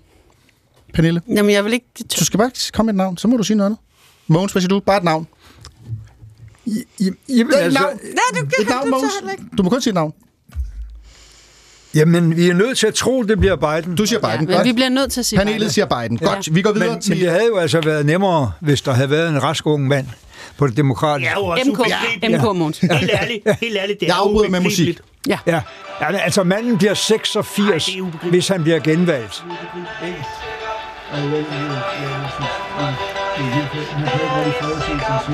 Jeg synes, jeg synes, at det er Nu er der EM igen, vi har vundet det tit. Ja, der bliver stadig diskuteret her i, øh, i studiet, kan jeg sige. Øh, jeg er simpelthen nødt til at lukke for jer, fordi ellers så når vi jo ikke i mål med alle spørgsmålene fra pokker. Øh, men Biden landede vi på. I den lidt blødere ende, noget der sker ud i verden, som skaber mere glæde og adspredelse og, og får os til at tænke på noget andet end en stor politik, krig og, og ufred, det er jo, når der er noget fodbold. Øh, det er der mange, der godt kan lide. Øh, og, og Danmark er jo med, når der er EM til øh, sommer. Øh, og gulddreng, øh, det er jo fra sidste gang, der var EM. Det var tæt på. Øh, gik det mindre godt til, øh, til VM. Det taler vi ikke om. Øh, men, men hvem vinder øh, EM, Søren Pind? Hmm. Ja, det er et godt spørgsmål. Hvem Tak. er EM? Frankrig. Frankrig? Pernille? Ja. Sp- Spanien, siger jeg så. Spanien?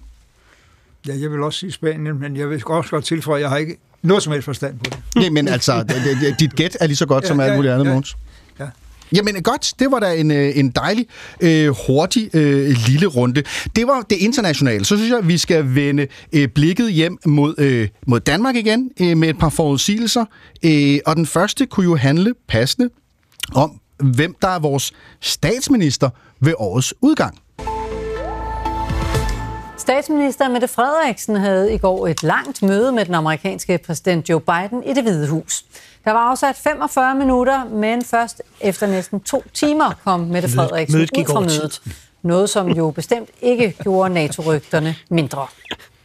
Rigtigt, at det her møde tog længere tid end planlagt, og det er jo kun Åh, positivt. Altså, det er jo, vi har det rigtig godt sammen, øh, præsidenten og jeg, Ja, og vi synes, der var rigtig, rigtig mange ting at diskutere.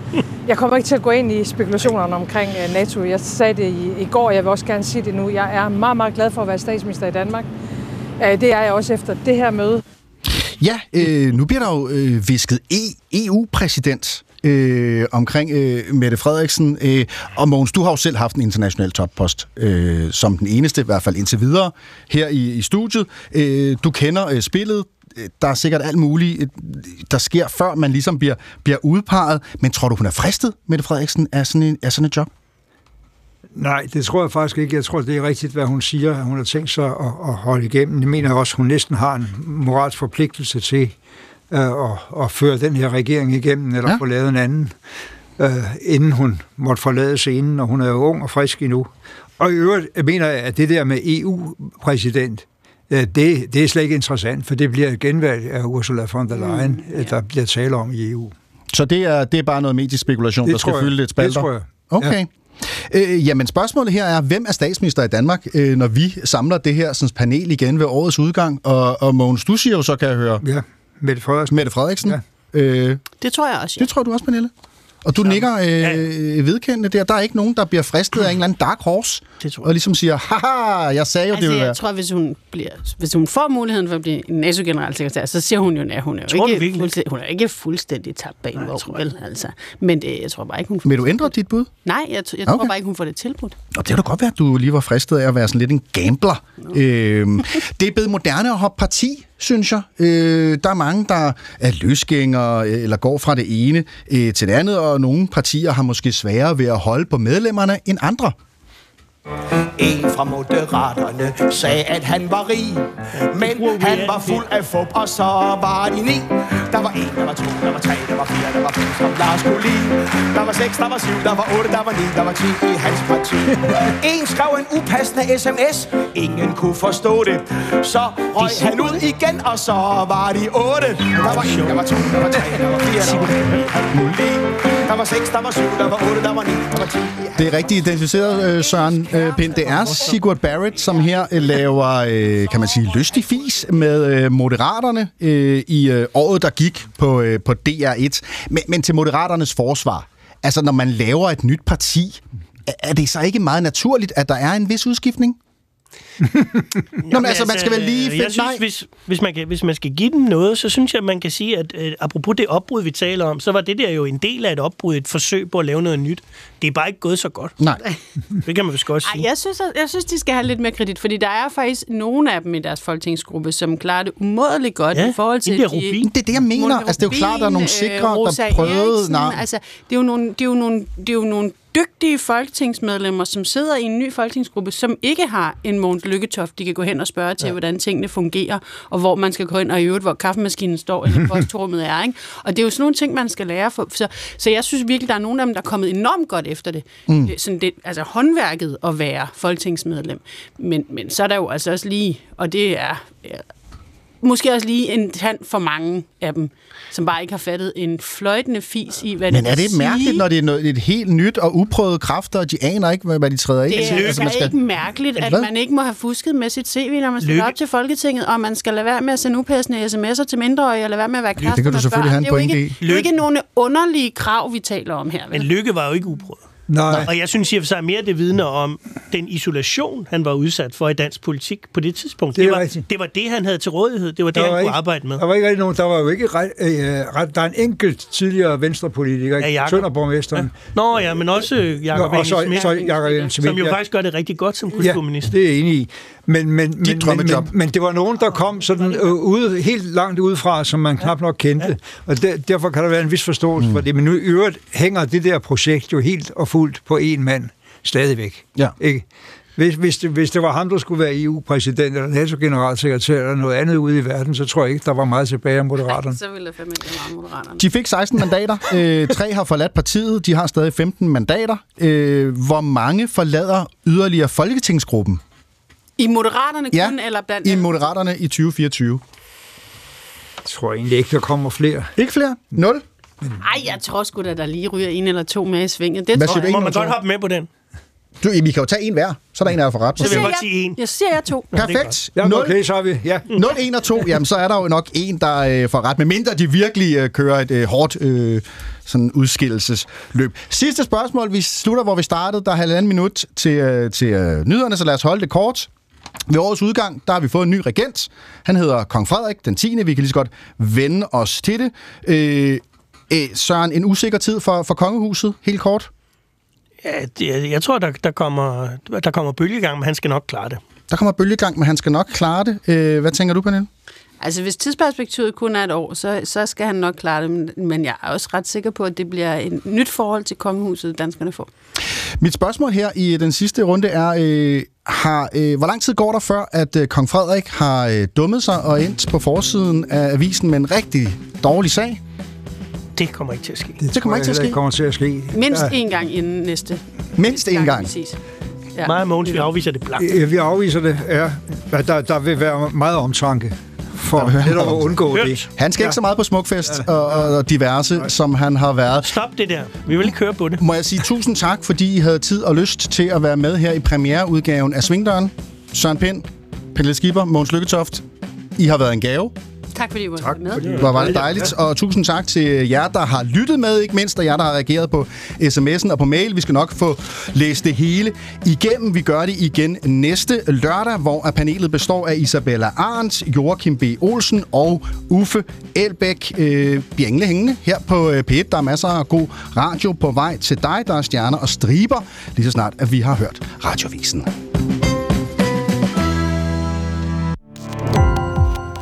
Gå på opdagelse i alle DR's podcast og radioprogrammer. I appen DR Lyd.